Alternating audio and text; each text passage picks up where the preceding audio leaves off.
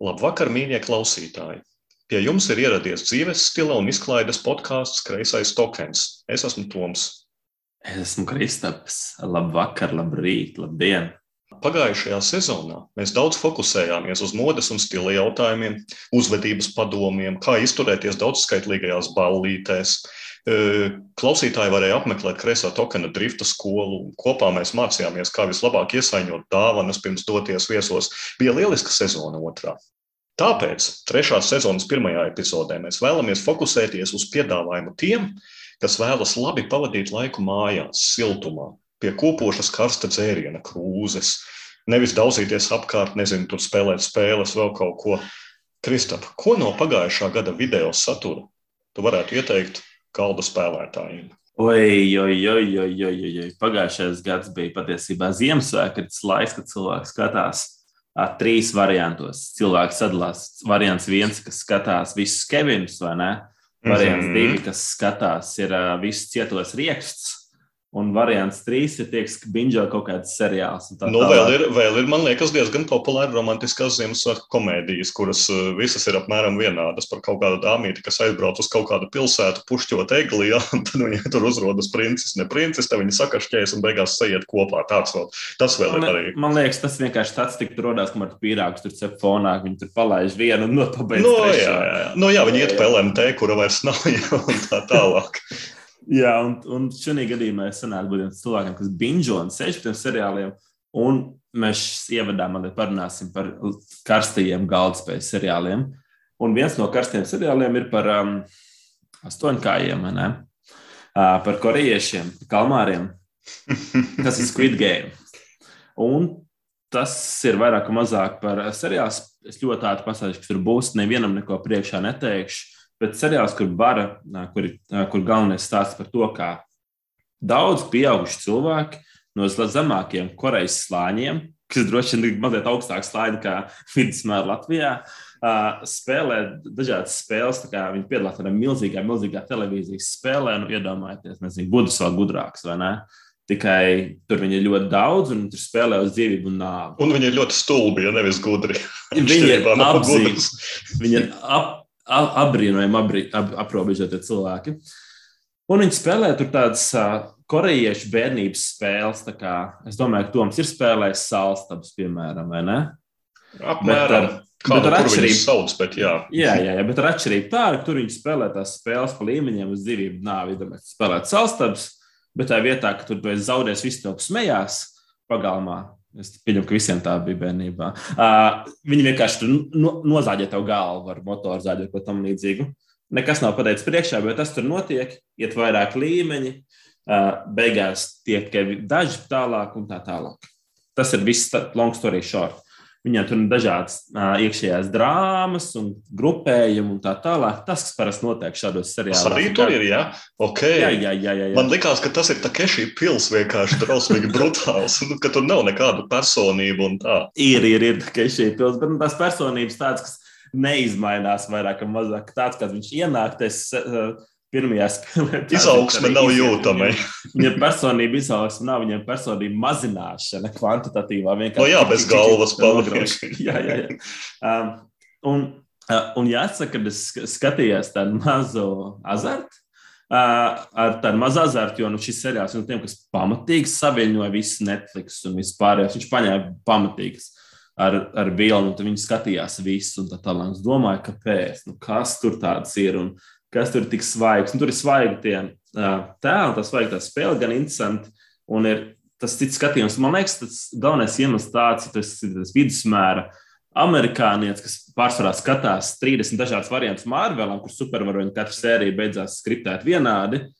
Tad pēkšņi paskaties kaut ko šitādu no korejiešiem, citādākus par uztveru, viss tev vienkārši smadzenes uzsprāgst. Tas, tas, bet, ja tu kaut ko redzējis no vienalga Japāņiem un korejiešiem, Un klausieties, šeit nerunāja par nekādiem hentajiem un tā tālāk. No, nē, nē, nē, tas ir bijis vēl cits žanrs. Jā, un jā, Pokemon arī ir vēl cits žanrs. Jā. Tieši tā, bet ja kaut kas redzēs, tas īpatnība, īpatn, īpašums, kas piemīt šīm reģionu seriāliem, filmām, animēm, tas tur būs jūtams. Un viņš ir stilīgs, skatāms, viegls, viegls seriāls, kas ir Uh, ir interesants, bet nu, jā, varoņi tur neizauga, viņi tiek saīsināti.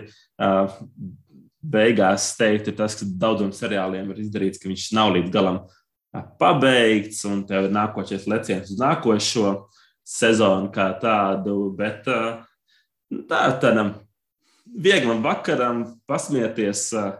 Paskatīties, tas spēles ir ļoti interesants, ka viņi tur spēlē tās foršas sataisīt. Es ieteiktu, ka var, var paskatīties. Tieši bet, gameriem atpazīt kaut ko no, no, no savas vidas, vai ne? Man liekas, mēs viņu neatpazīsim. Vienīgā pirmā spēle, es skatījos, es, ne, es neteikšu, kas tur ir, bet tur tāda spēle, ko es skatījos, un pēc kāda laika gāju dobulē pastaigāties ekspedīcijā ar dēlu, un tur meitenīte spēlē to pašu spēli. Es domāju, ok, Mums ir, mums ir Squid Game Latvijas versija paredzēta. Bet, nu, tas, jā, ir, būs... tas ir tas, kur lēkā ar gumiju, kamēr ar degunu mm. apsiras pēc asfalta, ja kas paklūp. Apmēram. Būs, bet būs otrā sezona, un cilvēki var uzsēsties kārtīgi un tā tālāk. Bet, jā, ok, varētu skatīties, bet uh, mēs runāsim par vēl vienu seriālu. Un tad uh, To varbūt pastāstīs, man liekas, Toms. Tas, par šo es esmu super augstās domās. Tas cerams, ir negaidīti. Tas ir negaidīti. Jā. Es negribu sagraut tavas augstās domas, bet es gribu bišķiņ parunāt par izaugsmi, nu, mm -hmm. kur tu minēji, ka Game nevienai personībai nav. Jo, nu, vēl viens seriāls, ko mēs vēlamies ieteikt tumšajiem vakariem, ir uh, The Queen's Gambit, kur uh, izaugsme notiek burtiski. Tad uh, maza meitene, kur iemācās spēlēt šāhu, ja viņi izaug līdz augstākajam līmenim. Ja. Un, un, un, um, Šis noteikti, kā mēs redzam, ir šeit galda spēļu publikai daudz pietuvinātāks ja, seriāls. Un, un, un uh, skatoties no šahista pozīcijām, kā tāda, kurš ir spēlējis Queen's Gambit, ir galvas tiesu pārāks par praktiski visiem masu kultūras produktiem, kur ir bijis parādīts šahs. Jo, nu man, man, man kopš bērnības seriālos, filmās kaitina divas lietas. Pirmā no lietām - Holivudas filmās amerikāņu aktieri, kas mēģina tēlot krievus un runāt krieviski. Mm -hmm. Tas ir drausmīgi, bet tas ir vienkārši drausmīgi. Varbūt kā angliski runājošiem tā buldurēšana izklausās pēc krievu valodas, bet nu, tas ir sviests. Nu, un es vēl saprotu, ja to dara Turkijānu Rīvs, Džonā Vikā vai Švarcnegers sarkanajā tveicā, jo viņi galvenie aktieri. Ja? Bet, ja tas ir aktieris, kurš filmā parādās uz pusminūti, pasakā pāris teikumus, un viss, nu, come on, come on, nu, atrodiet vienu krievu no ielas, Amerikā viņi noteikti ir daudz piesaistiet uz puslomu, nu, vai, vai pie mūsdienu tehnoloģijām pārunājiet pāri oriģinālu valodā. Nu, vienalga, nu, nezinu, tā man ļoti kaitina. Otra no neciešamajām lietām ir šahs, kas, ko es neciešu vēl vairāk. Tad, kad viņš parādās kaut kur uh, filmās, seriālos vai kur. Pirmkārt, ļoti bieža parādība ir vienkārši uz, uz galdiņa nepareizi saliktas figūras, ja? vai arī aktieri ar tām izdara neadekvātus gājienus. Ja? Nu, nu, tas ir tik zems līmenis, par ko es negribu runāt, bet tas ir redzēts tik daudzās Amerikas filmās. Ja? Nu, atrodiet mm. kādu, kurš māca kaut vai gājienus. Es nezinu, atvērt kāds aktieris savu sīko, kurš skolē gāja šaha pulciņā, vienalga. Ja? Nu, ne, nu, tas vispār ir murgs. Otrakārt, kā filmā šaha parasti pasniedz, ja? kā īpašu cienījamu nodarbi, kur savā starpā cīkstas divi parasti galvenie varoņi, labais un sliktais, ja? pierādot savu augsto intelektu, stratēģiju ja? un ietekmi. Un tad viņi sēž, nopietni domā. Ja? Izdara gājienus, jau uz, skatās cītīgi uz galdiņu, un vienā brīdī pams viens otram ieliek matu spēle beidzas. Ja? Es neesmu pilnīgi drošs, man liekas, pat šaha nezinātājiem vajadzētu būt skaidrs, nu nenotiek tā dzīvē. Pat, pat, pat viszemākā līmeņa spēlētājiem nav tā, ka tu sēdi spēlē, un tad tev pēkšņi pats ieliek matu, ja spēle beidzās. Nu, kur nu vēl tādā līmenī, kā filmās, tiek domāts, ka tie ir baigti meistari. Ja? Un tā vēl bieži ir tas dramatiskais efekts. Spēlētājs izdara viņa prātu labu gājienu, ja sēž, skatās uz pretinieku, berzē rokas un visādiem režijas līdzekļiem parāda, ka, kā viņš ir izcili nospēlējis. Un bams, viņam nākamā gājienā nāc tiek ielikts. Nu, nu jā, tas, tas, tas, tas līdz šim, jebkas, kur esmu redzējis šādu, ir bijis nožēlojams. Par laimi, Queen's Gambitā tā nav. Par laimi tā nav, jā. Par laimi seriāls Queen's Gambit nesirgst ar minētajām problēmām. Nu, tas tikai trūka, lai tur būtu šī tā, jā. Bet, bet veidotājs esot konsultants konsultējis pats Garīgs Kaspārovs, ja, kas bija ļoti ilgadējs pasaules čempions. Tā kā visu cieņu, beidzot, kāds producents ir pieņēm, paņēmis šādu nopietni. Ja. Bet Insakā Kaspārovs, ko viņš varēja konsultēt šajā brīdī, vienkārši, ja jūs gribētu parādīt čahu, nerādiet čaha gājienus, rādiet, ko tas nejaušas stīkos. nu, jā, bet jāatzīst, ka ne, nu, tik cik tajā, ja mēs skatās tieši seriālā partijas, tur bija gājieni, un tu varēji sekot līdzi pat, ja bez mazliet. Seriāls ir balstīts uz 83. gadā iznākušu grāmatu, ja, un savā ziņā ļoti attāli uz patiesiem notikumiem. Bet man ir jāapbēdina visi trendīgie un mūsdienīgi domājošie. Ja galvenā varone Beta Harmona ir izdomāta. Mm -hmm. Un, diemžēl sievietes joprojām visaugstākā līmeņa šahā pat šodien nav sasniegušas pašu virsotni un nu, nav bijušas pat tūmā. Ja? Un, un grāmatas iedvesmas avots bija Bobijs Fišers, amerikāņu šaha brīnumbērns, kurš bija Amerikas čempions 14 gadu vecumā, starptautiskais lielmeistars 15 gadu vecumā. Ja? Un, un, un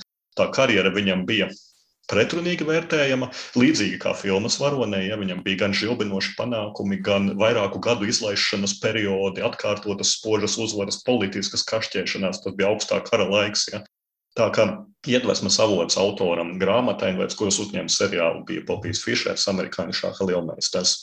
Bet seriāls, jā, seriāls man liekas, ir noteikti kvalitatīvs gan saturiski, gan mākslinieciski.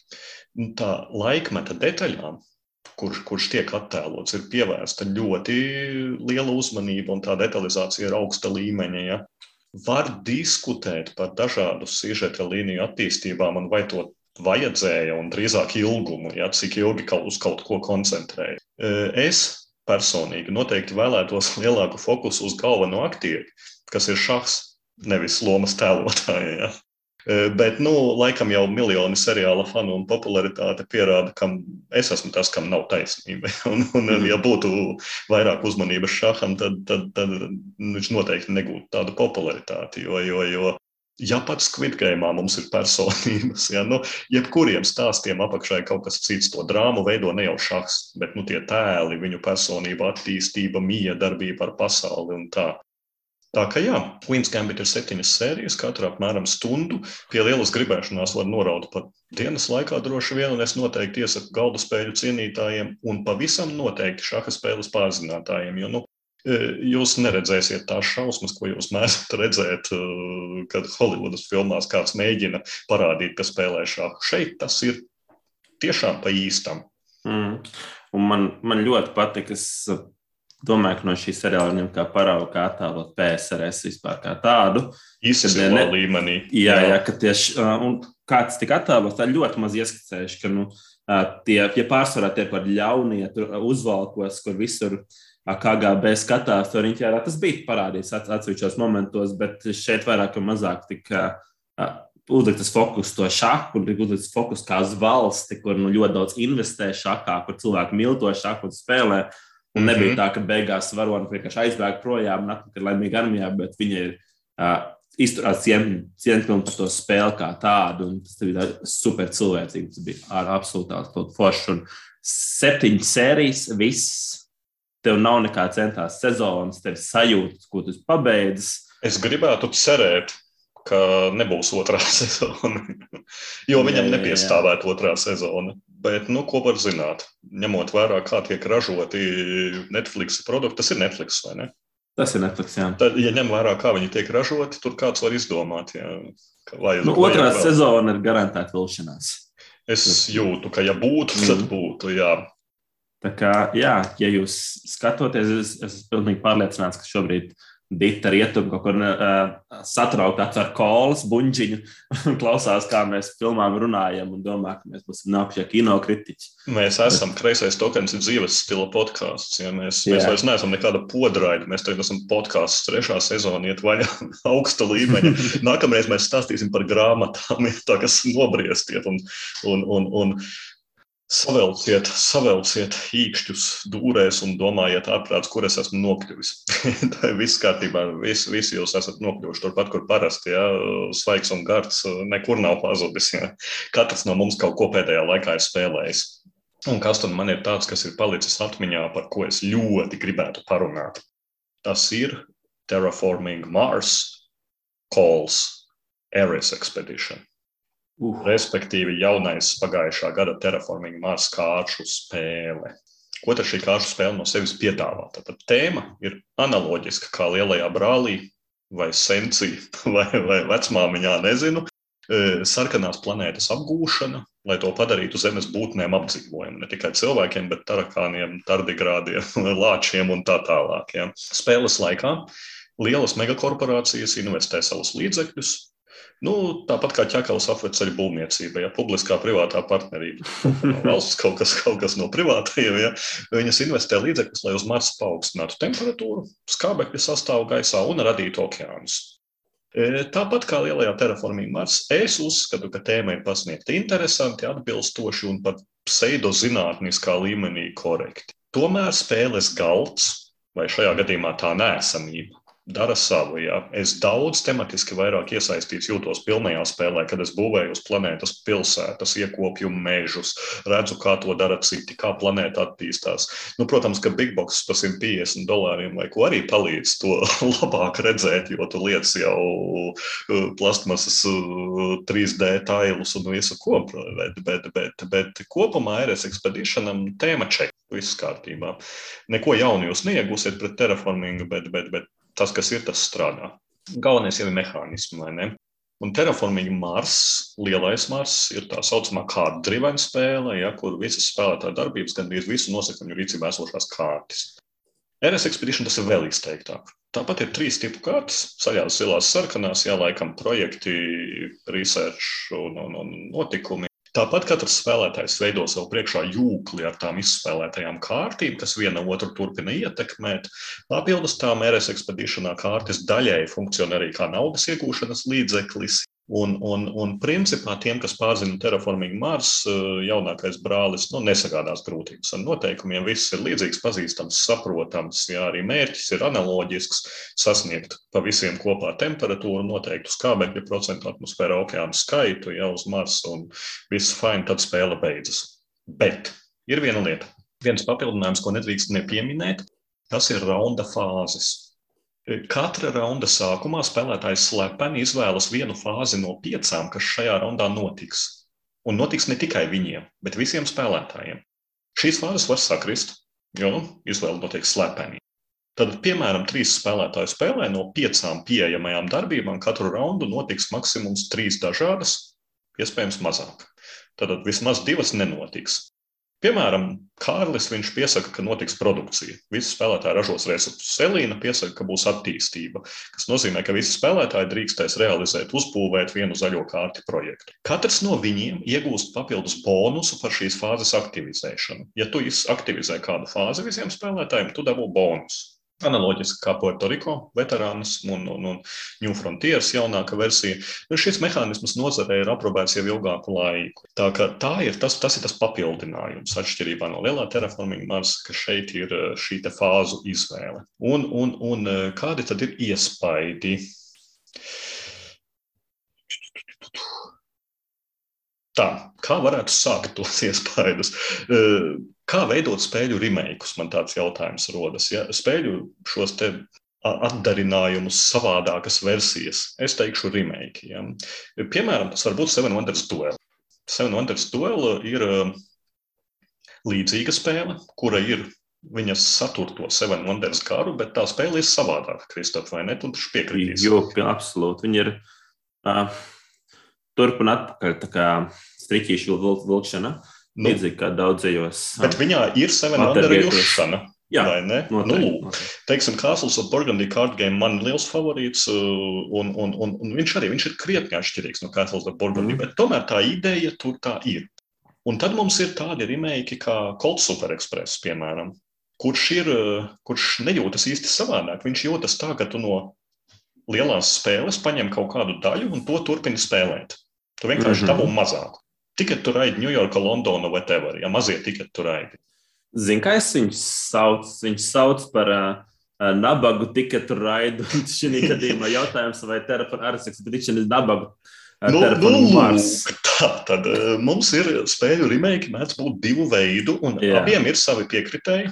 Un, un, un teiksim, Daistavairs pilnīgi visi no milzīgiem priekiem atvainojos, bet mazliet čurāja biksēs par to, ka Colt Express ir garš, Fidlī un kāds, un ka Colt Super Express viņam aizvieto to pilnībā. Starp citu, atsaucoties uz Daistaveri, viņiem Terraforming Mars visiem pilnībā aizvieto Terraform, Terraforming Mars RS Expeditions aizvieto Terraforming Mars. Jā. Tā ka nu te var redzēt kaut kādu līdzību. Laikam jau katram savs. Man pirmā manis aprakstītā remake grupa Tur, kur ir lielās, labās, spēcīgās spēles, tā elpa, aura, ja, patīk labāk. Pēc spēlē ir Mhm. jābūt atšķirīgai, nevis vienkārši apgaizītai versijai.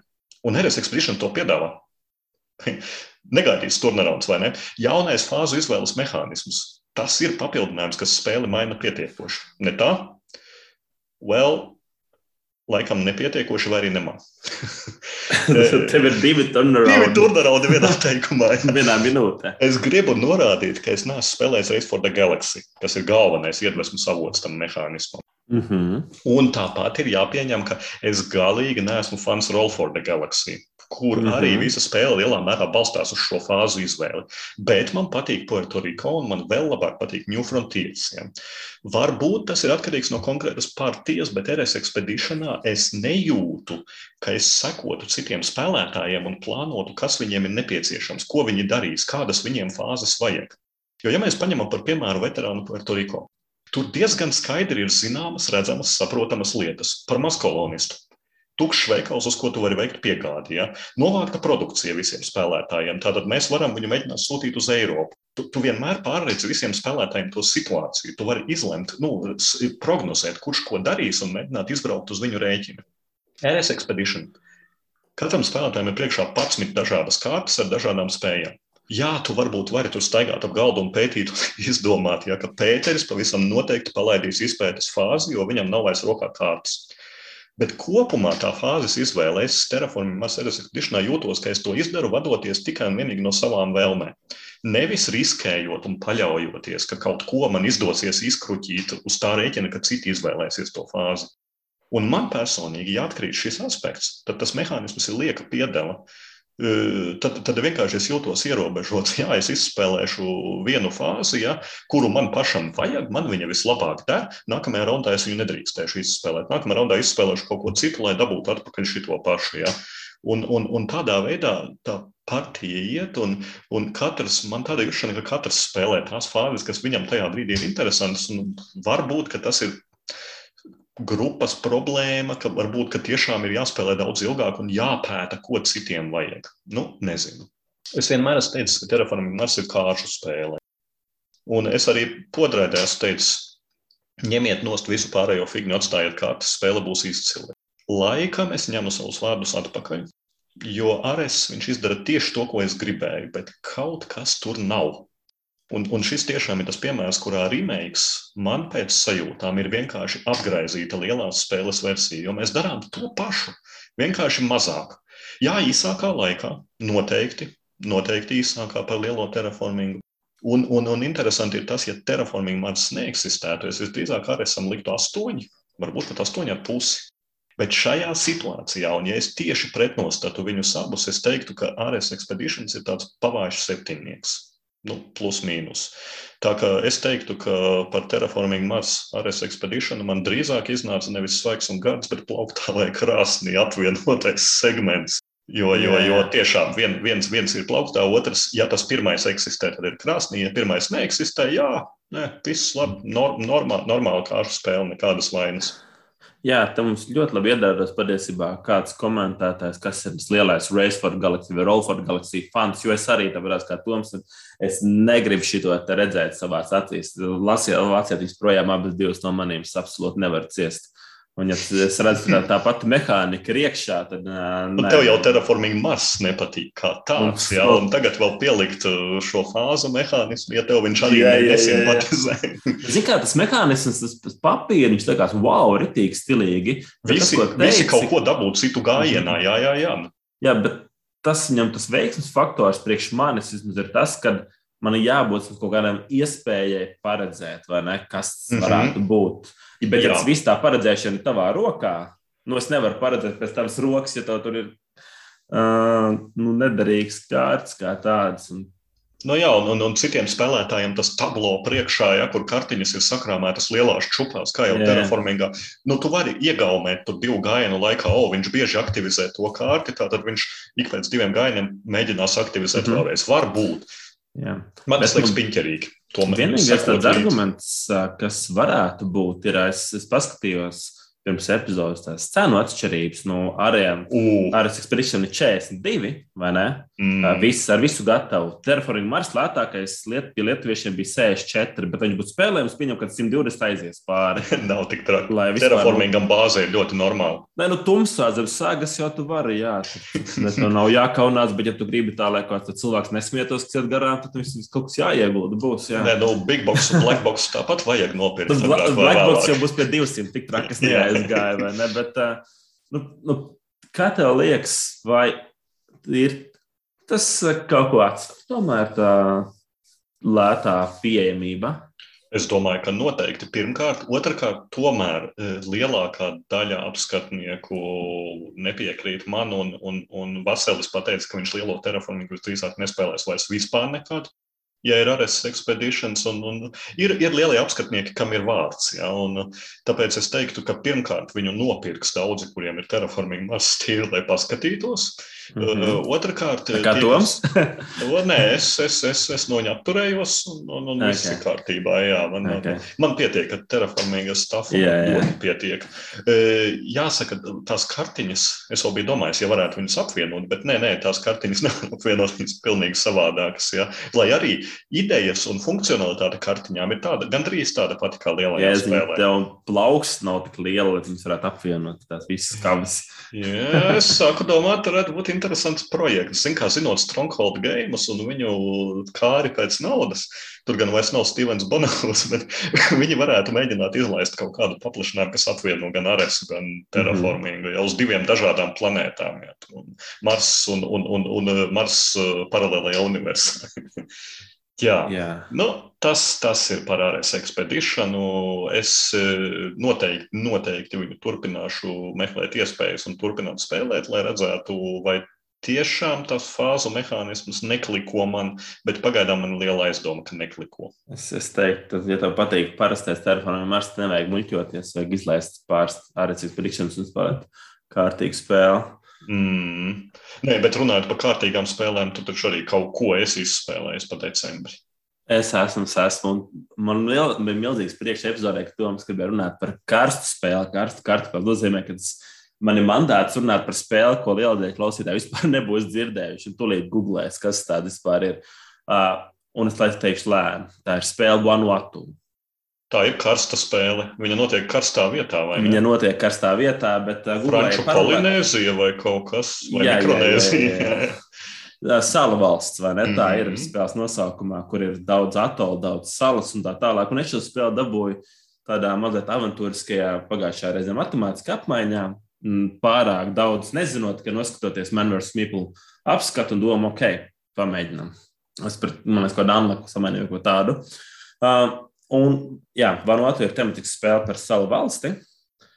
Kur principā tas salu valstī, tas, kas tur ir, tur ir salas, atoli, un tur ir maz resursu kā tādu. Tā kā šī nebūs spēle, kur tev ir. Tur nu, šis nebūs Rozenberga spēle, kur ir tev piebar pilnas, pilnas, pilna klēpa raitām, vai ne? Nu, bet ir starpība, vai tu dzīvo Haletavas reģionā, kur tev ir apiņaitas un gaļa un grudzi un viss, kas, kas vien var būt, vai arī uz napacīgas salas pludmalē, Tieši vai tā, ne? tieši tā, Mm. tieši tā. Un viņiem ir resursi dažādi no kokiem. Tu lasi kokus eļļas, viņi lasa saudabīgas garšvielas, zvejo zīvis, izdara turistus. Un mistiskā kārtā viens no resursu lucīšiem ir uh, beef, jeb lielopu gaļa. Es, es šo nekomentēju, ne, nelasīju apakšā, kāpēc tur tiek eksportēta lielopu gaļa tur apakšā, bet uh, tā, tā tas ir. Uh, varbūt kāds uh, autors fans. Nu, lūk, un pie manas gada, pie manas nokļuva, ir Vanu Latvija pirmā un otrā versija. Pirmā ir tā kā no uh, vecais Šarloks Holmes, kas ir tikpat labs, bet uh, un otrā ir tā kā jaunais Šarloks Holmes kā tāds. Un tā ir Kickstarter versija, kas nonāca un kas ir uh, vizuāli ir ļoti krāšņi, izskatās fenomenāli labi ar super bieziem kartoniem, ar azūru jūras krāsām, spilta, ar koka ziltiņām un tādu. Spēlēt sastāvdaļu reizē ar vizuāli krāšņu iespaidu. Tāds kaut kāds salīdzinājums būtu kaut kāds, piemēram, Takanoko, ko te garām, un tur redz, ka wow, rītīgi Ir skaisti izskatās. Ļoti, ļoti labs es tagad skatos, beigā gada rīktīgi skaisti. Nu, tas tā otrā versija Jā, jā, jā, ir jā, jā. koši. Jā, nu, es teiktu, no tādiem eiro tipa, ja jau var skatīties, nu, tas pats Havaji, ko mēs esam atveduši, bet to neviens nezina tāpat kā Vanuatu. Mm, mm. Bet ir tās, tās do- tiek nodota tā vide. Jā, un tā principā savā dvēselē ir darbinieku izvietošanas spēle kā tāda. Viņai bija divas saudabiskas lietas, kas man arī izcēla. Tā jums ir pastāstīšu. Un pirmā ir to, ka viņai ir ļoti atšķirīga darbinieku izvietošanas saudabīga mehānika. Proti, katram spēlētājam ir pieci dažādi darbinieciņi, ko reprezentē diski, ko ir lietas uz deviņām dažādām lokācijām. Pie diska liks darīt kaut kādus elementus uz, sal, uz tām visām salām. Tur ir salas dažādas uzliktas, un ir ūdens, un ir kuģītis, kas braukā no tām salām, un blakus esošais lauciņos ir ko darīt. Var zejot zīvis, vest turistus kaut kur uz mājām, var būvēt būdas, var smiltīs uzzīmēt bruņurupuci, nirpu pie dārgumiem un tā tālāk. Es iespējams noraksturēju kādu atvaļinājumu plānus. Bet galvenais āķis ir tajā, ka no sākuma tāda incidenta izsole, līdzīgi tā kā Stonehenge, mēs sākam visu liekam sev strādnieciņus, un pēc tam mēs viņus ņemam nost. Uh, bet uh, tas strādā tā, ka, piemēram, es uzlieku divus, Toms uzliek divus tam deviņām vietām, un mēs esam salikuši savus diskus. Un objektīvi, ja tas ieliec uz piecām dažādām vietām, tu varēsi veikt piecas darbības, vai ne? Bet uh, tur nāk priekšā tāds majority, ja vairākuma princips, ka, ja uz niršanas darbības Toms uzliek divus diskus, un es esmu uzlicis vienu disku, es to nevaru darīt tik ilgi, kamēr viņš to nav aktivizējis un ienderis pakaļ dārguma lādē. Tikai tad es to varu veikt, kamēr viņam tur ir vairākums, un tad tur mehāniķi ir vienādi, ka tas ir spēlētāj secībā, bet tas nav šobrīd tik svarīgi. Uh, tad Viņš, ir, viņš to var izdarīt, un es to nevaru izdarīt. Un šī mehānika ir jēdziņa, cik tā ir dūla mehānika. Jo, kā jau minēju, efektīvāk, tu gribi dažādas salikt, bet tev kāds grib darīt to pašu. Un, ja tu gainā neko nevar izdarīt, tad vienkārši novāc no viena lauciņa visu savu strādnieciņu, kas tur ir nu, kaut kāda izvēlies, un vienkārši neveic darbību.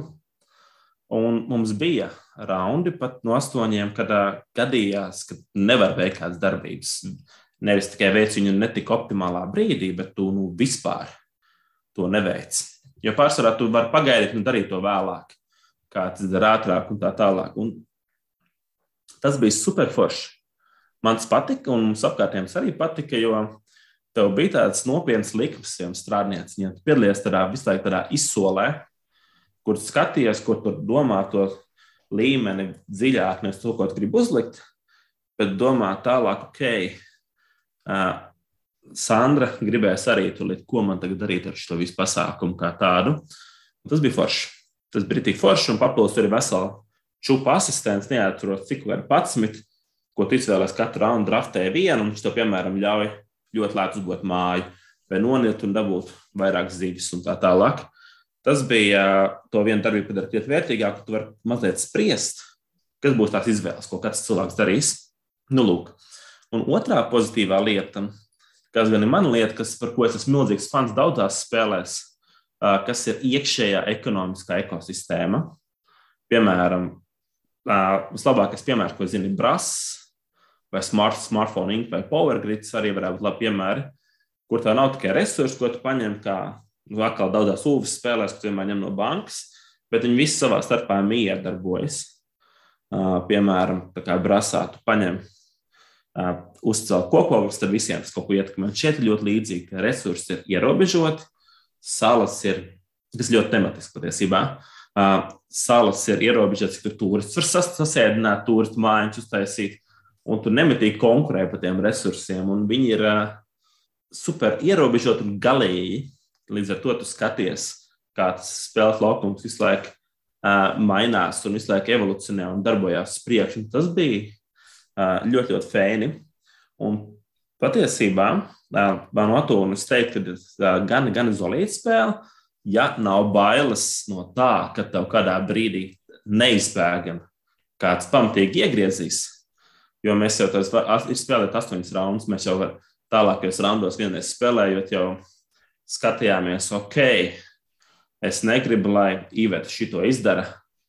Es tur uzlikšu kaut kādu strādnieciņu, vai es ņemšu nost to, jo tie otrā pusē tāpat tās var gaidīt un iegriezt kādam citam spēlētājam.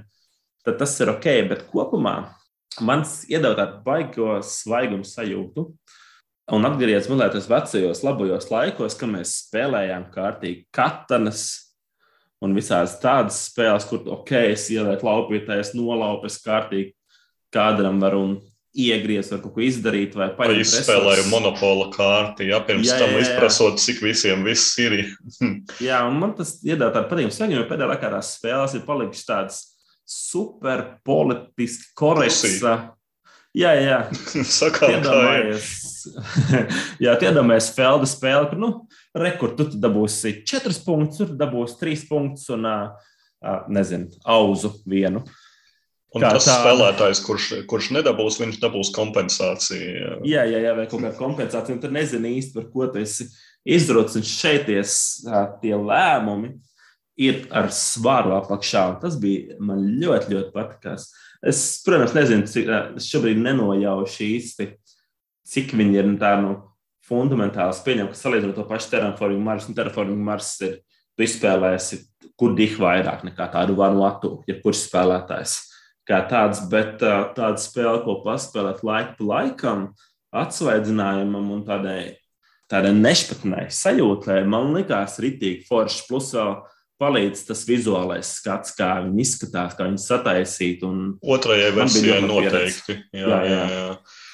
Zini, kā viņa no, no, no tevis man viņa neizklausās kā spēle, kas ir attiecību bojātājs, bet no citiem apskatniekiem esmu dzirdējis, ka nu, bez maz vai nežēlīgā, ka nav draudzības pajūka un bla, bla, bla. Bet man izklausās, ka nav tik traki. Ne? Nu, Zini, kā, ja tev, tu esi, mēs, tu esi spēlējis Powergrid un tā tālāk, un ja, ja piemēram cilvēks, kurš tev satraucās Powergridā, kad iebūvē viņa māju priekšā vai nogriež ceļu, viņam šeit būs tā pati problēma. Nu, protams, tas ir apmēram šādi. Tev ir opcijas, un kādreiz, kādreiz tev nesanāks gājienu. Viens mūsu draugs spēlēja, viņam nesanāca divreiz uzbūvēt māju, ka viņš gribēja, bet viņš pats arī pēc tam analizēja, nu, ok, viņš uh, izvēlējās par gājienu, kas bija aktīvs, nevis izdomāja, kā kādā veidā pivotēt uz citu variantu. Un, ja ir cilvēkam patīk tāds lielāks, li, lielāks likums taviem gājieniem, šis ir ļoti foršs. Nu jā, nu, labi sakot, tajā ne, ne, nejaucības ziņā tās nav citadeles, kur tevi var trīs gājienus pēc kārtas nomušīt vispār. Jā, jā, vai, jā. Vai, vai, un tas nav arī Spartaks, piemēram, jā, kur, kur tevi var piečakarēt, nodurt, noimtēt tavus gladiatorus, nu, atstāt bez naudas. Mm, ne, nu, tā, tā, tā, Kuģis, kurš tur aizdot un tā tālāk, bet jā, man bija milzīgs pārsteigums, te ko negaidīju un bija fēni izspēlēt. Un, kā jūs minējāt, tāds bija tāds wow, foršs svaigums tā pēdējā laikā. Tas po, ir interesanti. Politiski pozitīvs. Par to spēlē. svaigumu, jā, ja, ja pareiķina, ka tā sākuma versija bija 2007, ne, 2011. gads, mm -hmm. un mhm. otrā jau bija 2016. gads. Jo, jo, jo šī tā varētu būt tāda, ko man arī liktos interesanti izspēlēt kādreiz. Lēmumu svarīgums, nu, tam ir nozīme, tā kā tu saki. Jā, es domāju, ka mums te un labā kompānijā šis būtu lielisks bumba. Noteikti, noteikti gribētu izspēlēt. Mm. Nu, jā, bet, bet, bet runājot par bumbām, mēs metīsim vēl vienu ļoti, ļoti nopietnu bumbu, jo mēs pieturamies pie kreisā, tam nopietno. Un lai arī uh, skauģi un nelabvēļi, nē, labi, mūsu labvēļi, viņi saka, šajā segmentā diez vai tūlīt beigsies, par ko runāt, nebeigsies. Uzminiet, kāpēc. Uh, decembrī Toms Lasels, nu, Tyrannosaurus Rex of uh, board gaming media. Ja, pats pat ietekmīgākā persona, paziņoja, ka tiek beigts Daistower podkāsts. Un, eh, nu, kas tur var pašķaubīties, nu, kas tur ir podkāsts. Ja? Bet, bet, eh, ja paskatās Taistāvara vēsturē un tur, kur viņi ir tagad, ja? nu, tas viss sākās ar podkāstu, un tam podkāstam ir bezmaz vai 20 gadi. Ja? Tas, tas tev nav kreisais tokens, kurš sāk trešo sezonu. Ja? Tas ir tā kā paziņo, ka vairs nebūs šokolāda laima. Jā, jā, apmēram. Vai hameleona rotaļas tika beigtas? Jā, nu tas ir vēl briesmīgāk. Jā. Jā. Gluži tāpat kā ar hameleona rotaļām. Sekoja attiecīgs daudzu cilvēku sašutums. Kā tā drīkst? Un, un, un man vienmēr, nu, man vienmēr šajā brīdī nāk smiekli. Man nāk smiekli par cilvēkiem, kas visu mūžu pavada skraidot apkārt un baidoties no maitekļiem, ja, no, no spoileriem, bet maiteklis ir latviskais zinātņu akadēmijas laikam tulkojam, ka, ka, kas nenomaitekļo man, ko man pateiks tajā seriālā, ja, nenomaitekļo, kas notiks sporta sacensībās, un panorāmā arī nedrīkst nomaitekļot jūs pa dienu nesakiet man ziņas. Ja? Un tāpat man liekas, ka cilvēku sašutums un tā milzīgā drāma, kas ir, kad uh, kaut ko izdara kāds, nezinu, aktieris, ja tur iedzer kolu vai neiedzer kolu, ja? vai, mm. vai, vai daizstāvēt podkāsts tiks beigts.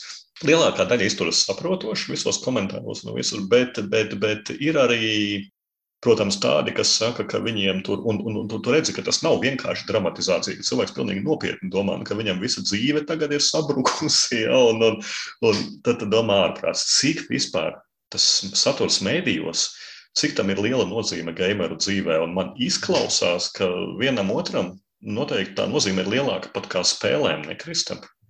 Jā, viennozīmīgi. Man liekas, ka uh, Varētu būt arī, ka mēs tom patērējam vairāk laika mēdījiem nekā es pašām spēlēm. Es nešaubu, es, es par to simtprocentīgi zinu. Tur mm. nav nekāda jā, jā, jā. cita varianta. Jā. Tas, tas ir skatu, skatīšanās, board game geek lapa, jā. dažādi citi resursi. Jā. Nu, kaut vai, ja, ja tu uztver arī noteikumu grāmatu lasīšanu, piemēram, spēļu, kas, ne, nu, es teiktu, tas drīzāk ir spēle jau, jā. tas vairs nav mēdīji, protams. Daistava ir podkāsts beidzas. Un, eh, kas ir interesanti, tad ļoti korekti, man liekas, ir izvēlēts laiks, jo par podkāstu beigām tika pasludināts decembrī. Mhm. -huh. Un eh, taisnība ir jaunās sezonas Kickstarter, sāks janvāra vidū. Tātad eh, viņi epizodes tiks ierakstītas līdz brīdim, kamēr ir aktīvs iepriekšējais Kickstarter, par ko cilvēki maksāja. Un, un, un te man ir jautājums, Kristofers, satura veidotāju atbildība pret patērētāju. Tāda ir? Uh, Viņam ir atbildība, nu, man liekas, ļoti labi iezīmē to atbildību patiesībā. Viņam ir atbildība tajā brīdī, kamēr patērētājs par to maksā. Līdz ko viņš patērētājs, viņš ir klients, viņš ir samaksājis un aizstāv ar to savu nenoslēgto līgumu arī izpildu kā tādu. Okay. Līdz, ja kamēr tev to nemaksā, nu kā tur atbildība var baigā būt? Nu, zin, kā nav tik vienkārši, bet, teiksim, ja tu esi maksājis iepriekš, Tu esi maksājis iepriekš, un, un, un kāds teiks, nu, nu, protams, tu esi maksājis iepriekš, un, un sūdz mm. ar to. Nu, kāpēc kādam būtu jāturpina par to, ka tu esi maksājis iepriekš? Es tev minēšu piemēru. No, no. Par šo bija diezgan nopietna diskusija arī, un, un man ļoti izteikti pretī argumentēja, ka man pilnīgi nav taisnība. Jo es uzskatu, ka e, troņu spēļu autoram nav nekāda atbildība pret visiem faniem, kas viņu sunīja, ka viņš neuzraksta pēdējo grāmatu. Viņš ir uzrakstījis uh, septiņas grāmatas, vai cik nu troņu spēlēs ir. Un, un nav tās pēdējās grāmatas. Nu, nu, viņam vienkārši nebija dosmas. Nē, nu, mani argumenti ir tieši tādi, ka nu, viņam nav pienākums ja, rakstīt to pēdējo grāmatu. Viņš, var, viņš, viņš drīkst vienīgi to nedarīt, ja viņš negrib. Un tie pretargumenti man ir tādi, ko es saņēmu, ir tādi, nu, pirmkārt, ka tā atbildība tomēr ir, ka visi fani gaida, Nu, es neuzskatu, tas ir arguments. Piedod. Tas nav arguments. Tas nav Sorry. arguments, bet galvenais arguments ir finansiālais aspekts, ka visi fani ir pirkuši iepriekšējās grāmatas. Un, un, un, un es saku, bet. Un viņi ir dabūjuši iepriekšējā grāmatā saturu. Jā, bet redzi, kā ir. Un, un, un es tieši to arī norādu. Un tad man saka, nē, bet klau, ja tā grāmatā ir paredzēts, ka būs turpinājums. Es saku, nē, bet ar seriāliem arī ir tāpat, ka, nu, Tu nedrīkst skatīties seriālu, kamēr tu nezini, nes, neesi sagaidījis četras sezonas, zini, ka viņš beidzas pavisam noteikti. Tikai tad tu drīkst skatīties, ja? jo citādi tu noskatīsies pirmo sezonu, tu gribēsi jaunu mm -hmm. sezonu, un tev pateiks, vairs nebūs. Un tad tas staigās rīktīgi dusmīgs apkārt uz visu pasauli, ja? salamāsies darbā ar kolēģiem, jo tavam seriālam nebūs jauna sezona. Nu, es nezinu, ir pasaulē valda šis viedoklis. Tāpat arī ir ļoti populārs, laikam, Patriks Rotfuss ar vēja vārda grāmatu, kur ir divas mm -hmm. grāmatas, un visi gaida trešo un uzskata, ka viņam ir pienākums rakstīt trešo. Bet varbūt vienkārši viņam nav iedvesmas, varbūt viņš vairs negrib rakstīt tajā universā grāmatā. Jā, redzi, te ir tas, ka patērētājs, ja viņš sāks jaunu grāmatu sēriju, patērētājiem ir izvēle. Viņš var nepirkt to jauno grāmatu. Ja? Nu, sakot, Jā. pabeidz iepriekšējo. Bet viņam nav pienākuma balstoties uz to, kas ir darīts iepriekš. Un tas pats ir ar Daistavarnu podkāstu. Ja? Nu, viņi ir savu darījuši. Viņiem par to Kickstarteristi kāds noteikti maksāja par to, ka viņš klausās podkāstu. Tieši Kickstarterī pledžoja tāpēc, atbalstot. Nu, ļoti daudz pārmetumi tagad arī ir. Ot, ka pienāks jūsu nākamais Kickstarteris, tad gan es jūs vairs nepledžošu. Nu, nepledžo. Jā, viss normāli. Jā. Nu, jā, tā kā, tāda situācija, protams, lielākoties visi ir atbalstoši. Un arī Toms Vasals pats teica, ka nu, viņam tas, e, respektīvi, viņam pašam ir Uh, viņš vairs nejūt to iedvesmu, ja, un, un, un, un arī, ja, ja viņš nomainītu cilvēkus, tad tas vairs nebūtu viņa podkāsts un viņa ideja. Tāpēc, ja, ja cilvēki grib viņam, tie, kas viņam pārējie piedalījās, lai viņi taisa savu, nevis turpināt to pašu vārdu. Nu, tas, Tam es arī piekrītu. Es es visam, visur viņam šajā gadījumā piekrītu. Viņam ir tiesības nobeigt podkāstu, lai arī tur piedalās trīs, četri citi cilvēki. Ja? Nu, bet bet vi, viņš ir tas veidotājs, viņš ir firmas īpašnieks, viņam ir tiesības nobeigt, un viņam nav ne pret vienu atbildība. Ne? Zini, kā man liekas, viņš vesels vienkārši nu, viņš ir tik daudz epizodes tur bijušas, man liekas, 500 plus 750. 750, jā, 750 Katru nedēļu. Nu, viņš ir izsmēlis savu, viņš ir pateicis visu, ko viņš gribējis pateikt. Nu, tur vairs nav ko daudz, daudz rakt. Nu, tiešām, protams, nu, tev nebūs. Uh, tur, manuprāt, lielākais zaudējums ir Jeffs Engelsteins. Jā, Šajā gadījumā podkāstā viennozīmīgi, bet viņam var pieslēgties pie Jeffa Eglistina ziņu lapas. Viņš atsūta tāds instants lietas, sekot līdzi. Viņam ir arī, man liekas, ka podkāsts Ludology nav tieši viņam, bet viņš tur arī piedalās. Tā kā ir varianti, kā Jeffa Eglistina klausīties. Tu vari klausīties daudz kondensētāk to šeit un skatīties. Nu, tu jau varēji, jā, patiesībā, jo jūs pēdējā sezonā kritis sadalīts divās daļās ar meitenēm un ar jā, jā. džekiem un meitenu nu, podkāstu. Kā, te, šī ir tā lieta, kur es saskatīju nopietnu pretrunu. Ja, jo tad, kad Vasalis saka, ka viņš negrib, lai tie, kas piedalās, Eriks Samerers un Mendija Silzana, ja veido, turpina veidot dēstāju podkāstu, viņš saka, nē, nu, ka tā tomēr bija viņa lieta un hostu mainīšana, tad vairs tas nav tas pats podkāsts. Bet tu biji tas, kurš to pirmais izdarīja. Ja? Tu biji tas, kurš pateica, ka es to darīšu jā. tikai katru otro nedēļu, jo man nav vairs laika. Un tu biji tas, kurš, nu, nu nezinu, negribu teikt, ka pakļāvās sabiedrības spiedienam vai ko, bet ka ielikt uh, divas meitenes, kas, nu, lai, lai, lai viņas būtu cik labas, man liekas, ka viņas tika tur ieliktas vairāk ne sava galda spēļu apskatnieka snieguma dēļ. Un man personīgi viņu, viņu veidotās sērijas likās daudz, daudz vājākas salīdzinājumā ar Vasarī un Samereru. Un man tajā brīdī jau sākās Daistavera podkāstu, tas lejupslīde. Jā. Yeah. Ne, nu, tur jau ir organizatorisks problēmas. Protams, ja, ja tā visa kom komanda tālāk ir ārpus stafa vai ne, kas saņem to reālo finansējumu no Kickstarter, tur ir finansiāls problēmas kā tādas, kā, kā to novirzīt, cik tu, cik tu dos summas, lai viņi organizētos podkāstus, ja tas ir Daistover tiešajā tenantā vai ne. Vai tas ir ir, ir vesela daudz daistora podkāstu lists, kur izlasīt visu kaut kādus podkāstus, kur mm -hmm. klausīties ļoti dažādi. Un tad kāpēc tad šis podkāsts ar tiem cilvēkiem, kas nav tiešā veidā, kas ir aizstāvēt plus cilvēki, kā atbalstītāji, fani un tā tālāk, bet kas nav tie tiešie darbinieki, nu kāpēc viņi maksā šiem cilvēkiem, kas varbūt nenes tik labi arī to pašu aizstāvēt vārdu. Tur nav pat Toms Vasals vai kāds no ko, ko, ko iekšējās kodola mm. komandas. Tad, Tur ir tur reāli vesela jūra finansiāla problēma. Nē, bet tāda. kāpēc viņiem vispār būtu jāmaksā? Zini, kā podkāsteri saturu veido sev vai mērķa auditorijai. Es nezinu, tu dari to sev, tu dari to savam priekam, tu neprasi par to naudu. Uh, nu, līdz ko tas ir kopā ar Kickstarter paketē, tad uh, tu prasi par to naudu. Aha. Ja tas ir Kickstarter paketē, ka tev būs iknedēļas podkāsts vai ne, par ko tev ir samaksāšana, daistovams neatceros, cik bija tur 400 tūkstoši eiro. Nu, viņi pie pusmiljona gandrīz vai savās pēdējā laikā. Jā. 400 tūkstoši eiro diezgan precīzi. Tad, uh, tev, tev loģiski, tev, ja kurā brīdī, brīdī tev parādīsies jautājums, nu, re, kur mēs arī jums tam esam uh, bijuši viens no produktiem, kas radīs to finansējumu. Nu, okay, nu, mēs gribam savam podkāstam budžetu vai ne kaut kādu labākiem mikrofoniem, piemēram. Nu, to ne, nu, tādu lietu jau var nodrošināt. Un tā pašā laikā tas nozīmē, ka Vasāls uzņems savu papildus atbildību, kas nav no kodola komandas, kur ir dažādi cilvēki, kas tur darbojas, kuriem varbūt nav arī līgums, kā nezinu, Zigarsija, piemēram, ne? mm -hmm, mm -hmm. kas tagad vadīs podkāstu un kas tev kādā brīdī var pateikt, ok, mums te nav līgums. Un tad atkal radās jaunas papildus problēmas. Tur, manuprāt, tur ir struktūrāli risinājumi jāņem vērā šī gadījumā, līdz ko tur ir tas uh, mēdīs platforma, mēdī platforma kā tāda. Nu, jā, ir tas finansiālais uzreiz, redzi, kamēr ir Kickstarters tieši tā, tad tev ir arī kaut kāda atbildība pret tiem bekotājiem. Ja.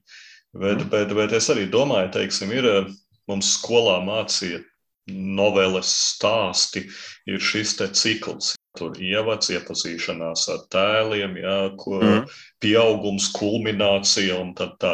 Man liekas, ka arī kanāliem vai podkāstiem varētu definēt kaut kādu līdzīgu dzīves ciklu. Tur sākam augt, pirmais mm. uzlidojums, nokritums pēc tā, ka kaut ko ne tā pasaka, ja tad atkal augam kulminācija un yeah. tad iet uz leju. Kaut kāds tāds varētu būt dzīves cikls. Es piekrītu, un man liekas, ka pasaules pareizi darīja. Piemēram, viņš tagad uh, ņem to podkāstu, kur viņš pats nebūtu, un tagad viņš tagad sezonu tagad uh, saukšu to vārdu nīkuļot. Mm. Pamazām, nu, tas ir daudz vājāk iziešana no tirgus būt pēc sezonas nekā tagad. Jo nu, es uzskatu, ka viņi jau gadus, divus vairs nav kulminācijā Daistāvā podkāsts, jo ir diezgan daudz citu dažādu spēcīgu podkāstu. Nu, es nezinu, vispār man liekas, ka podkāstu laiks tādā ļoti nopietnā apritē galda spēlēs. Nu, tomēr nevelti pats Vasils arī saka, ka viņa prāt YouTube ir pilnībā aizvietojis, kam nu noteikti ir milzīgi daudz pretrunas pretī runātāji par to, ka Viņiem ir švaks internets, viņš brauc un klausās mašīnā, kas mani skar ļoti. Ja? Nu, es tev mm. podkāsts ir tas, ko es vienmēr noklausījos, braucot mašīnā. Nebūs forši, ka viņš nebūs. Nebūs forši, jo atšķirībā no daudziem citiem podkāstiem, tas bija labs, kvalitatīvs, rediģēts saturs. Nevis kaut kāda šņākoņa, ar, tā kā mēs te varbūt brīžiem taisām, kur viens runā skaļi, otrs klusi. Ja. Viņiem tas bija nu, gana, gana noturēts līmenis, un tādu nav daudz. Lielākā daļa podkāstu ir tādi, kā mēs. Es jums nopietni saku, papētiet apkārt. Jā, tas lielākais pluss viņam bija struktūra. Mm. Uh, viennozīmīgi es teiktu. Un es gan neesmu pēdējā laikā pārāk klausījies Dēstāvā, bet es viņus vairāk klausījos tajā brīdī, kad ok, nav ko klausīties, tad līdzīgi kā to man mašīnā. Mm. Labi, brauc uz Latvijas, ieslēgsim daistāvu ar kāds no, nu jā, noklausies. Pāris divas, trīs. Jā, jā, jā, mm -hmm. jā. Mm -hmm. jā, ir ok. Bet, bet, nu jā, arī tas, ka tur Vasalis bez mazliet pieminēja, tur mentāli issues ne, bet, nu, nu, kad, nu nogurumu tādu mentālo no visu tā pasākuma, es domāju, gan jau kopš 2000. gada sākuma, tu katru nedēļu raksti, nu tagad katru otro pēdējos pāris gadus. Bet, bet tas ir jau mums reizi mēnesī savākties, nu nemaz nav tik vienkārši. Un mums uz abiem diviem ir trīs reizes mazāk bērnu kā Vasalim. jā, Mās, jā. viņam ir astoņi, man liekas. Nu, vo, nu tāpēc jā, es jā. saku, tā, tā, tā, uh, kāda ir aptuvenā statistika, Kristap, no taviem pirmajiem diviem gadiem mūsu pirmajām epizodēm? Cik tev vispār sanāk uh, gatavošanās Ierakstīšana mēs zinām, mēs apsēžamies, ierakstām. Jā. To visi dzird, cik tas ilgi aizņem, plus mīnus. Gatavošanās epizodei. Cik stunda, Jā. divas diena? Tā reāls rēķina, ka kreisais tokens mēnesī aizņem tādu vienu solīdu darba dienu. Klāt, tu vari ierēķināt vienu neatmaksātu darba dienu kopā fundamentāli, bet nu, tāpat gatavošanās. Nu, man pārsvarā tas, lai saliktu tāds plāna punkts epizodē, Citreiz kaut ko arī piefiksēt, citreiz kaut ko palasīt vairāk. Mans parasti aizņem kādas stundas, divas. Mm. Tā reāli citreiz pat uh, vairāk es aizrauju dažādām lietām. Tas prasa laiku, un pēc tam jau mums ir pēcrediģēšana, uh, kas ir, uh, no manā gadījumā, tas ir kaut kāds vizualizācijas, ko es taisu, un citreiz Facebook mīmēs un tā tālāk. Tas prasa laiku, tas prasa zonīdu laiku, plus vēl mēs jau vienmēr saskaņojamies, vai ne? Uh, Mm. Iekšā, saliekam visu scenāriju. Tas ir tāds nopietns, nopietns process mēneša sākumā. Mums ir jāvienojas, kad mēs savācamies, mm. kad mēs gatavojamies, sastādām to teiksim, tā saucamā show notes vēl. Jā. Tad atkal ir jāvienojas par to, kurš tad būs tas maģiskais vakars. Yeah. Un, un nav jau nemaz jauniem cilvēkiem tik vienkārši tos vakarus atrast. Nav, nav, ir, ir ko darīt, ir ko darīt citu, protams. Un, un droši vien tāds precizējums, piemēram, jūs šodien vakarā uh, savāktos, mēs diez uz sarunu par to, kas būs epizodē, mēs diez vai būtu rītdienas vakarā gatavi jau ierakstīt.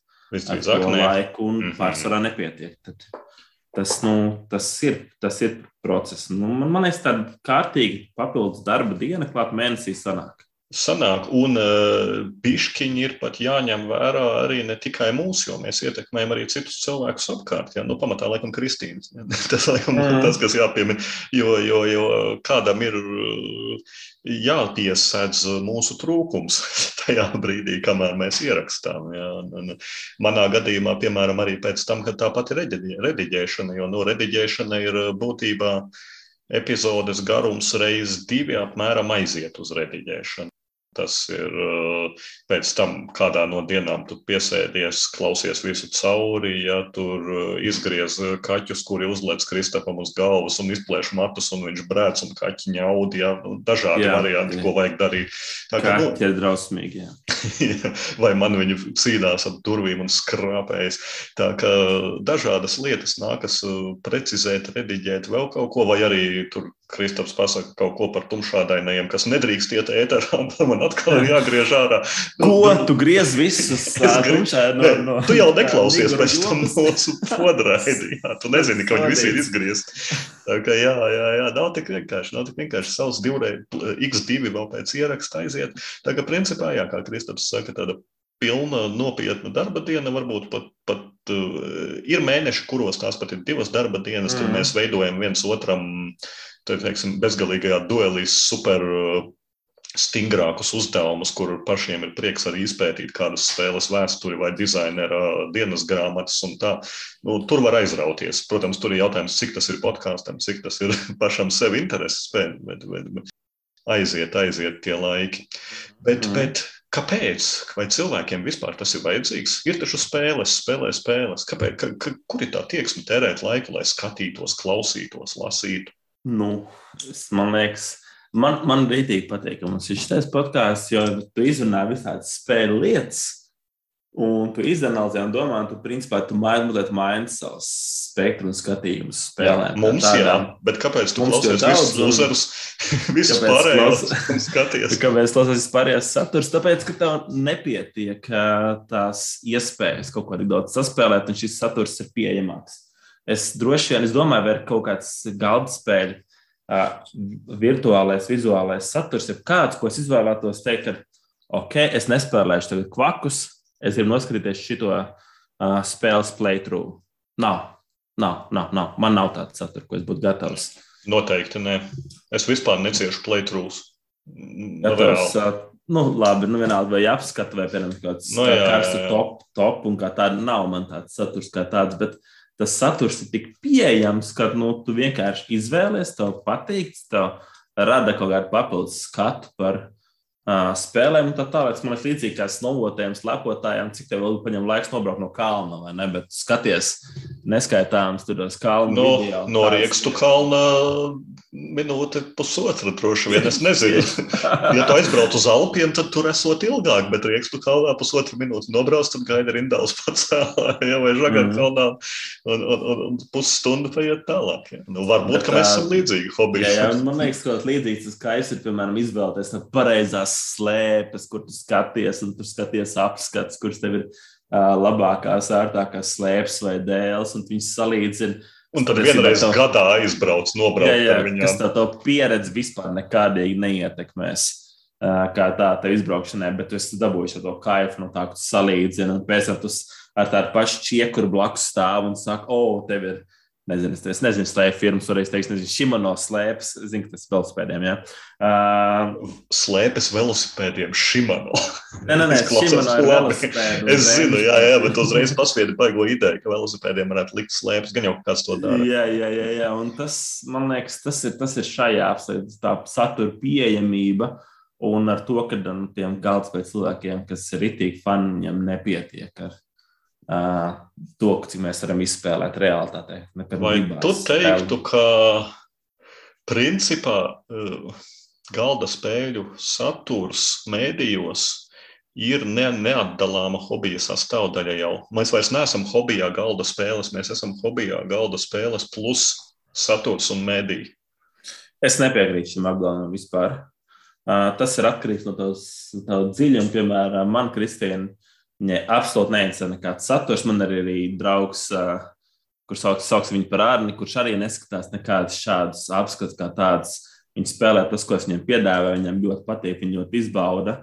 Un viņiem tas uh, nav vajadzīgs. Okay, nē, no rekurors atslēgas vārds pie to, ko tu viņiem piedāvā. Jautājums, snobiskais jautājums, vai viņi ir hobijā, vai viņi vienkārši ir cilvēki, kam patīk uzspēlēt, tad, kad tu viņiem piedāvā. Upuri.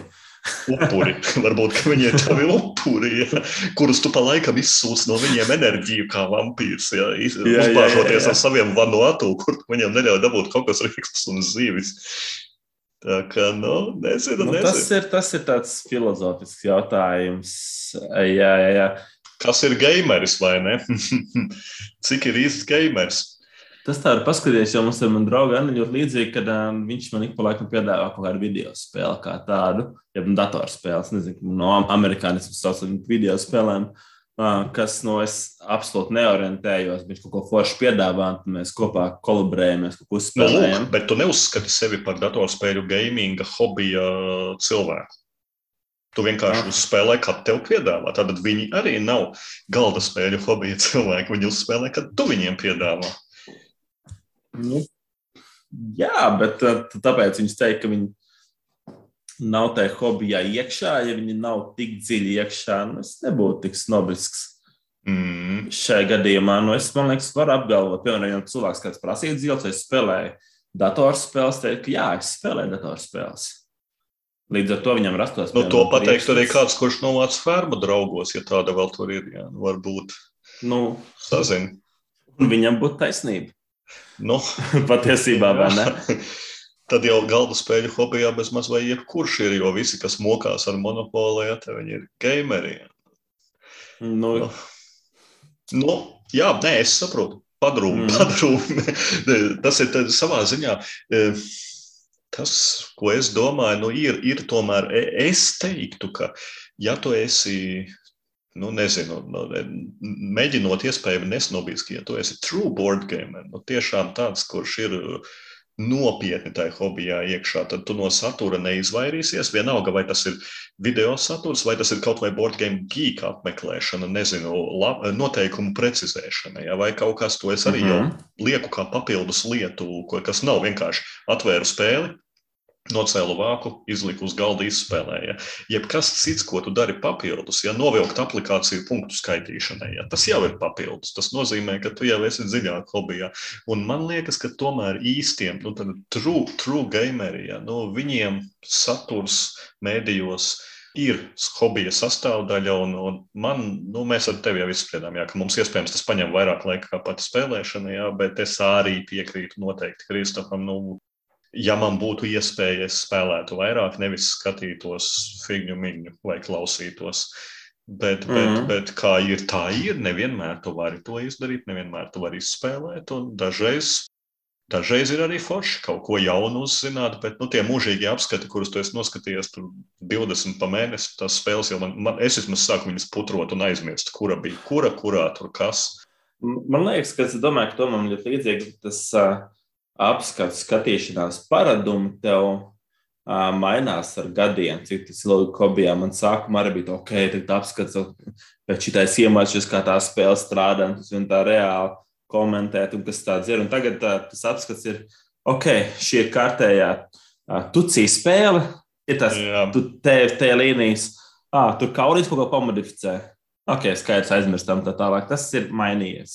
Vismaz mm. man noteikti diezgan daudz Tas, kas man interesē, vai tev kaut kas ir mainījies, esot satura pie podkāsteriem šo divu gadu laikā, kā tu skaties, piemēram, pats kā satura radītājs, un vai tas kaut kā ietekmēs tavu spēles, spēlēšanas pieredzi? Noteikti nē. Es esmu spēlēšanas pieredzi. Tas ir interesants jautājums. Jā, ir mainījis, jo kaut vai svaigam un gardam vai kā, man bieži vien nākas pielāgoties, lai izdomātu, kas varētu būt tāds, kas varētu būt pēc tam interesants podkāstam. Tā kā jā, tādā ziņā es teiktu, ka ir, ir mainījies nedaudz attiecībā uz uh, satura patērēšanu, cita satura patērēšanu. Drīzāk nē, drīzāk šis paņem kaut kādu laiku, ko varbūt es balanstu kādu video YouTube vai kaut ko, ko mēs tagad darām. Tā kā tādā ziņā vienkārši aizvieto brīvajā laikā ieraksts vai, vai, vai paskatīties kādu top ten vienalga. Mm -hmm. Jā, man arī ir pamanīts, man liekas, ka mēs pat esam aizturētajā Covid gadā kaut ko spēlējuši tādu, kas uh, nu, ir bijis mērķiecīgi spēlēts priekš apskatiem. Piemēram, man tas ir uh, After the Empire, ko es spēlēju, salasījos, ka viņš bija Kickstarter un tā tālāk, ko es iespējams tā Gamefondā, sorry, ko es mhm. iespējams, iespējams tāpatās nebūtu spēlējis, bet uh, es vairāk skatos uz dažādām, līdzīgi kā Toms, ko teica, dažādām pieredzēm, kas ir, ok, šis mums ir kaut kas pavisam, pavisam svaigs, un tas būtu svarīgs mūsu klausītājiem izmēģināt. Piemēram, ja mums satnāks jautājums galda spēļu vakaru, un es zinu, ka es ļoti gribētu uzspēlēt Android Cities, ko es tiešām gribu šobrīd uzspēlēt, bet pie blakus galdiņa ir um, Picture Perfect vai Perfect Picture Jā. Es izvēlos perfect picture. Jā, es arī tāpēc, tieši, tieši to pašu iemeslu dēļ.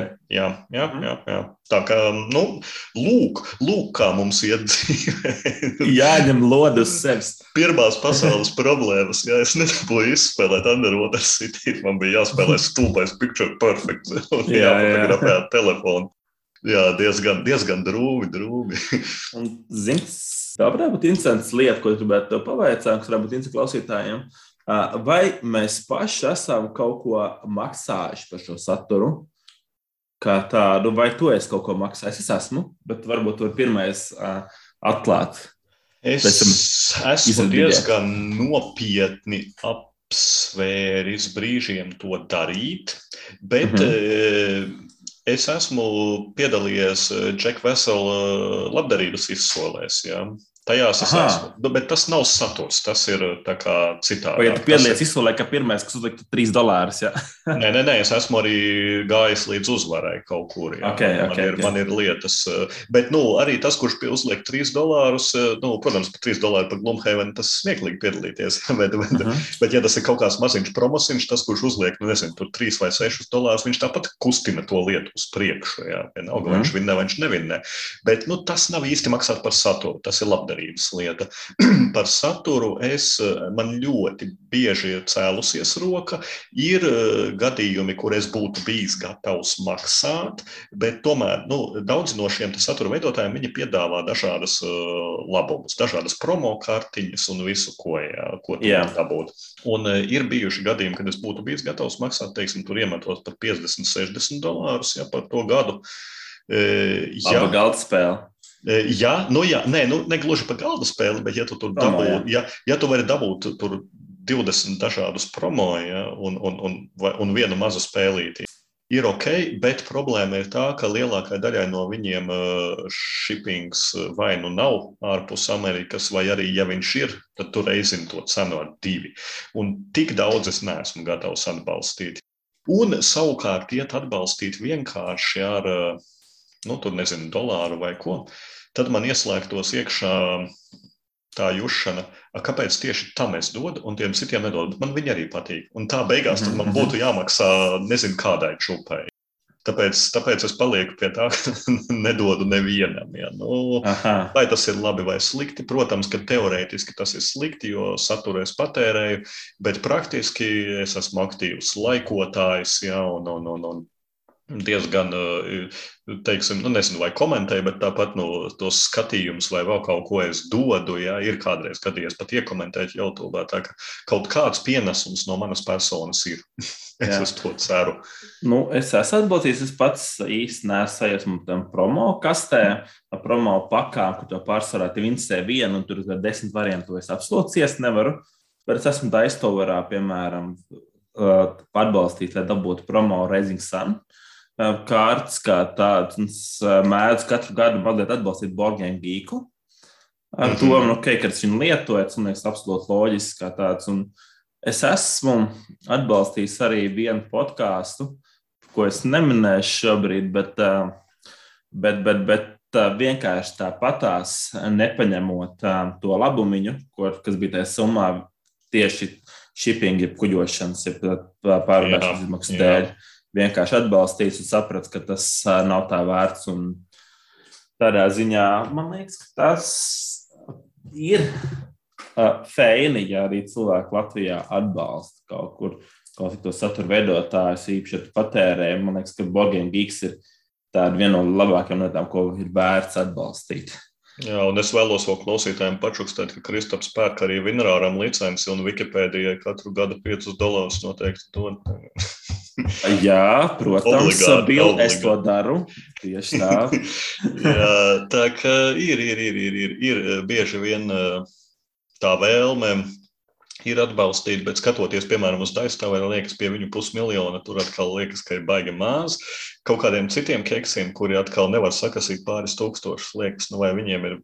Nu, vai viņi nu, nezina? Nu, jā, zinu, ka tās ir pārdomas par to, ka teorētiski jau vajadzētu atbalstīt, bet, un, un, un, un pats vainīgs, ka to nedarīja. Bet, bet, bet es, es tiešām atduros pret to, ka kāpēc tieši tam es iedošu nevis visiem, kuru saturu es patērēju. Es patērēju diezgan daudzu saturu, un, un, un tu pie tā es arī atduros. Jo ar visiem man nepietiktu, nu nekādi.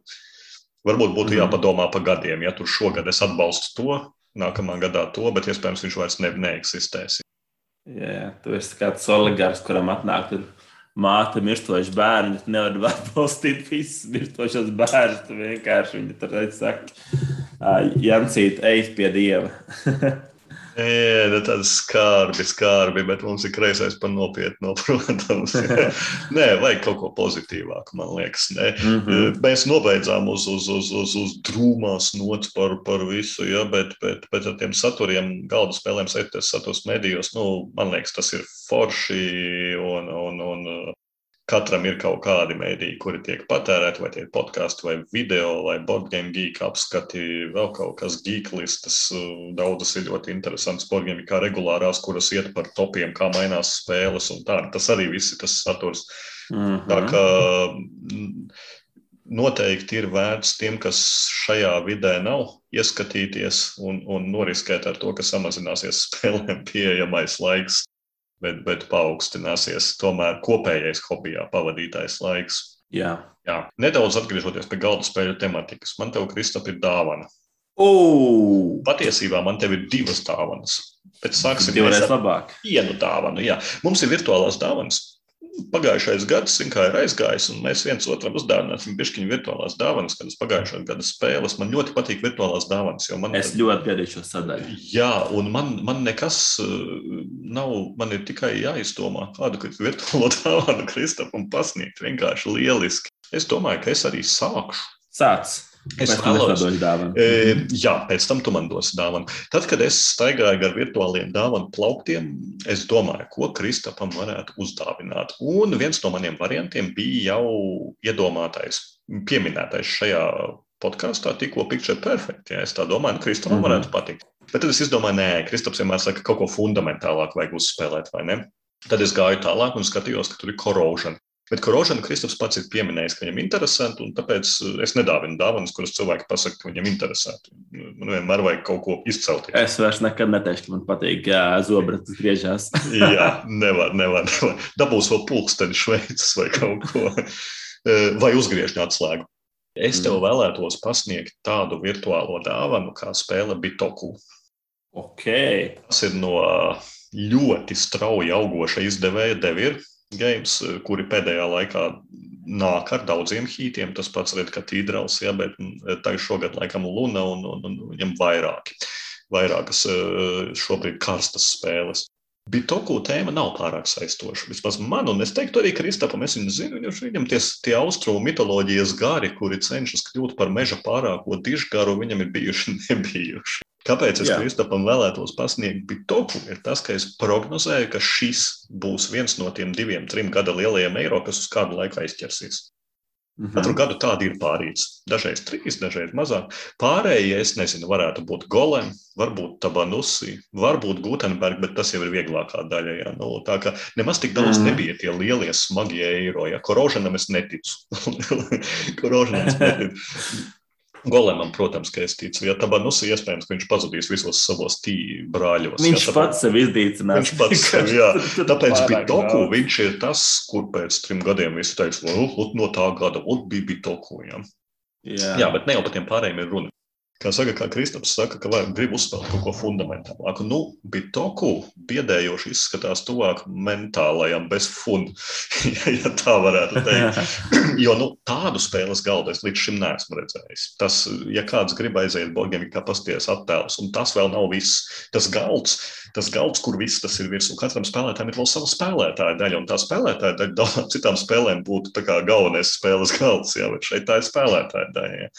Bet eh, ļoti interesanti šķiet tā strādnieku izvietošana ar kauliņiem, kāds bija toku mehānisms. Tas vienmēr ir mehānisms, kas ir foršs un ko vienmēr ir vērts izmēģināt. Un man, godīgi sakot, tas pasākums viss no attēliem, apskatiem un tā nedaudz ļoti attāli atgādināja piecreiz uzķūnētu Ņūtonu kas Kristapam mm. diezgan patīk. Un likās tā līdzīgi, ka tu kaut ko pie sevis paķūnē, tu veido pie Jā. sevis kaut kādu enģinu, tu ej uz galda, un tad uz galda, uz galda tu vari sūtīt tās strādnieku kauliņus, un tad kaut kādā brīdī tu vari šķērsot upi, lai tiktu uz labākām strādnieku vietām. Tas man likās rīktīgi cool. Tā ka, nu jā, uh, rīktīgs hauss uz galda, bet, bet, bet uh, ar šo virtuālo dāvanu, jā, tev būs jāizdomā, ko tikt galā. Es zinu, zin, saņemu šo dāvanu, man nepamet sajūta, ka uh, Toms vienkārši meklē kādu dundu, kurš iemācīsies un varēs to šausmas iemācīt jā, tālāk. Jā. Man liekas, ka šito varētu būt drūmi iemācīt. jā, jā, jā. Bet to, ko ir feins, uh, feins, man liekas, variants. Un es, uh, šī ir viena no tām spēlēm, kas man liekas, man varētu ritīgi patikt. Man liekas, daudziem viņi varētu ritīgi patikt kā tādu, un daudziem viņi varētu būt milzīgs galvas, galvas sāpes, iemācīties un mm. atcerēties. Un atcerēties, ja ir jāatkārto mm. pēc uh, diviem mēnešiem atkal. Jā. Nu, tā jā, ir liela jā. problēma šādām Tas spēlēm. ir no tām, ko tu pārmācies par jaunu un skaties un ņemies uz priekšu. Okay, Bet, es arī kaut ko gribu. Tu arī gribi. arī gribu man būs, domāju, es gribu uzdāvināt vienu no gada sākuma spēlēm, kas iznāca uh, iepriekšējā gadā. Un viņam kā lielam fanam pilsētu būvniecībā un vīrišķās spēlēs. Es domāju, ka tev, tas, kas tev ir jāuzdāvina, ir jaunākais Tets Alspaks, kas ir Maglio metro vai Maglio Jā. metro. Tas, man liekas, būtu izcili uh, gan tajā askētismā, kas ir spēlēt tiem pārliekamiem organiskā stikla plāksnītiem, kurus pārliekami būvēt uz metro, gan arī ar to uh, pārvadāšanas mehānikā kā tādā, gan man liekas, diezgan labs tāds vidējais grūtības un spēlēšanas līmenis, kas šai spēlē noteikti paredzētu daudz laiks, daudz skats, bet iedomājieties to galveno skatu, kā uh, es nezinu, cik daudz Toms braukājis ar metro, bet viņš ļoti atgādina Briseles metro, kā tādā, ka tur nav Briseles iekšā. Tur ir Manhattan un otrā pusē bija laikam Parīzes. Berlīna, man liekas, nebija. Berlīna vai Parīzes, kaut kas tāds. Uh, bet uh, tas skats, ka tu sākumā esi uh, pilnīgi garlaicīgā laukumā, viss gan apskatnieks saka, ka tie komponents ir fenomenāls. Es varbūt to neteiktu, ka grafiskais dizains ir fenomenāls šeit. Tie stikliņi um, ir forši, ko liek virsū. Jā, jā, jā bet, bet tas viņš sev uh, atspēko ar funkcionālo dizainu kā tādu, kas šeit ir fenomenāls. Tā spēlē viņš svaigs, interesants un arī kā spēļu apskatniekam. Šī, man liekas, būtu tā spēle, kas jau nonāk pie Toma, piemēram, janvārī. Tad ļoti, ļoti iespējams, ka februārī mēs jau dzirdētu svaigākā, gardākā spēle, ko apskatīties, jo viņi ir interesanti ar svaigām, taktīlām idejām un tas varētu būt labs, labs variants, kā dāvanai kā tādai. Tā ir lieliska virtuālā dāvana. Jā. Tagad, tagad man būs ne tikai Giants, bet arī Maglēna metro ar pick-up and deliver mehānismu, ko neviens negrib spēlēt. Tad neviens spēlēs neciena. Jo, jo ne, Maglēna metro viņš ir super, man tiešām interesē, bet pick-up and delivers viņš, nu, ne, ne, neviena praktiski spēle nav, kur pick-up and delivers uh, būtu cilvēkus aizrāvis, izņemot uh, trakos trendgaimistus, jā, ar viņu akciju pirkšanām un kubiņu pārvadāšanām. Nu, jā, jā. Tā kā jā, tas bišķiņi biedē, bet šis varētu būt viens no rētajiem pick-up deliveriem, kurš noturēsies gadus trīs mm virs ūdens, es domāju, noteikti. Es domāju, arī es nezinu, kāpēc tur vadā tos robotus. Man liekas, absolūti dumji. Bet... Viņi brauc uz mājām uz darbu, tā kā būs spēle. Bet nu, tas uh, met, metro līnijas, es, es, būt, es domāju, ka tas būtu labāks variants. Tur nebūtu tie, tie drāņķi roboti, bet tie būtu bijuši metro izbūvēšanas laika, kad tu esi inženieris un būvē tos visus uh, metro plānus un tā tālāk. Varbūt, bet... nē, man nav pretenzija pret robotiem, jo redz, tu pēc tam viņus izmanto, lai savu engine būvētu, un, un, un viņi tev uzlabo tavu darbību. Tu -hmm. kā mhm, viņus atved -hmm. pie sevis uz darbu un noliec pie lepes stāvi, un tagad uh, padari man lielāku vilcienu. Jā, Kristap, kas tev bija pagājušā gadā mīļākā spēle atzīsties? Un, uh, Under Falling Skies. Vienkārši. Jā, es tevi skies. pazīstu. Es tevi pazīstu, tāpēc man te ir otrā virtuālā dāvana. No, no. Tā mana otrā virtuālā dāvana tev ir dāvana, ko tu noteikti no manis negaidītu un ne no viena negaidītu. Tā ir spēle Final Girl. Mm. Mums ir bijusi diezgan čāpīga pieredze ar One Rider Games, ja, un viņa Your Town un tā, ja, nu, bet lai, lai katram gadās misstepi tā saucamie, ja, bet uh, One Rider Game, nu, viens no visu laiku solo spēļu hītiem ir Hostage Negotiator. Nu, tiešām viņš ir guvis uzslavas no jebkura gandrīz, kurš ir spēlējis uh, solo spēles, kā ļoti tematisks, kvalitatīvs solo. Un tagad pagājušā gada beigās iznāk Final Girl, kas ir uh, Hostage Negotiator pēctecis, tā kā 2.0 versija. Solo spēle par pēdējo izdzīvojušo meiteni šausmu filmā. Principā Hostage Negotiator jau kvalita kvalitatīvie mehānismi, bet vēl uzlaboti spēlē ir scenāriji. Ir unikālas spēlētāju spējas. Nu, viss kā Under Falling Skies. Tāpēc ir pilnīgi droši. Es redzu, ka Kristaps šito var tāpat kā Under Falling Skies arī var graizīt, graizīt, kamēr iziet. Ah cik šī tā ir. Šī tā ir tik promising grūta spēle, kā tāda. Viņai ir pamatlaukums, un tā katrs scenārijs, man liekas, tur Kickstarter arī bija kādi pieci, kas nāk kā kasete, ko tu vienkārši atver ar pamatlaukumu komponentiem, izliet visu un spēlē, un ar katram slepkavam citādāk mehānismu tā tālāk, un tūlīt būs arī jaunais Kickstarters ar vēl citām lietām. Tas ir uh, absolūti, absolūti izcili. Un iedomājies, ja tu nebūtu Falling Skies iepazinies, tu nebūtu, tu tagad neteiktu tā, tu nezinātu, ka ot, varbūt tik forši tev liktos, ah, nu jā, kaut kāds solo. Jā. tagad uzreiz pilnīgi cits svaigs skatījums. Absolūti, absolūti, absolūti. Vienīgais, kas man baidē, biedē ar One Rider Games. Nu, jā, jā, bet, nu, ja pieredze ir ar to hostage negotiator, ka viņš ir ļoti aizgājis cilvēkiem, nu, kāpēc lai šis būtu sliktāks, ja viņš ir uz tā bāzes? Tas gan, tas gan. Mm. Ok, mana otrā dāvana Tomam no pagājušā gada spēlēm ir, un Tomam ir tā, ka viņam nedod ēst, bet iedod kārtas ar multiple use. Jā, dara. Un, un līdz ar to tas otrais variants ir um, spēle, kur tematika varbūt tev neliekas tik seksīga kā tāda, bet tā mehānika varētu būt forša, eleganta, ātra, un tas ir Infernus. Hmm. Um, kas, kas, kas ir um, engine building spēle kā tāda sākumā ar izsolēm, kur sākumā sola par kartīm, par kartiņām pašā vidū, spēles laukuma vidū, un tad viņas var dažādi solīt uzvaru, dabūt to kartiņu un būvēt viņu iekšā savā. Zinējā, ja tu neuzvari, dabū labumus, dabū resursus kā tādus, kas tev nodala to dzīvnieku, darbināt un kustināt. Un man liekas, ka uh, viņiem no tām spēlēm, kas ir izspēlējami kaut kādā stundā, viņi iedod ļoti daudz ātrumu foršu, labu sajūtu, kad uh, tu esi daudz jēgpilns lēmums pieņēmis, un tev ir tie, tie lēmumi ir smagi un dūli un tā tālāk. Tā kā, jā, Infernus ir otrais variants. Uh, Infernus viņai... vai Furnus? Furnace, furnace, furnace. furnace. Es, furnace, es domāju, furnace. ka tu runā par furnace, bet tu saki infernus. Un es domāju, varbūt jā, jā, es kaut jā. ko nezinu. nē, nē, nē, furnace, furnace, furnace. Mm. Uh, Furnace ar uh, to onkoli dusmīgos uz jā, skata jā, jā, par industriālo revolūciju. Nu, tur nav nekādas tēmas īsti iekšā. Tur vienkārši būvēs stēlis, bet tas tāds uh, mehāniskais puzles, kas varētu ļoti, ļoti labi aiziet. Varētu aiziet, varētu neaiziet. Viņi ir baigi, šitie ir baigi bīstami. Viņi var būt tā kā vaisrojas, kurš man īsti neaiziet. Ja, nu, viņi ir līdzīgi kaut kādā ziņā. Viņi nav pilnīgi nekā, mm -hmm. bet, bet tās abas ir Krievu kompānija izdotās. Tas ir viens hobbyvolts. Un šeit tiešām pareizi to arī minēja, ka man patīk tā izsoļu mehānisms, ka savā ziņā tur laikam kompensāciju iegūst arī zaudētājs, bet tā kompensācija tur varbūt atkarīga, ko viņš tur sūta. Ja? Nu, tas, tas ir bijis savādāk, jo man bija šī kaitina izsoles, kur ir tā kā rāvai kaut kur, kur, ja tu zaudē, tad krīt ārā. Ja? Viss, ja? Šeit, šeit jā, jā. tas ir engine buildinga tas sadaļa bez maz vai veikt izsoli un ne, uzvarēt ne visas kārtiņas. Tikai gribi zaudēt, jā. Jā, jā, jā. Gribi zaudēt. Šis varētu būt diezgan interesants, bet, bet man ir līdzīga spēle, tikai daudz labāka, ko es sev virtuāli uzdāvinu pats. Es sev virtuāli uzdāvinu pats.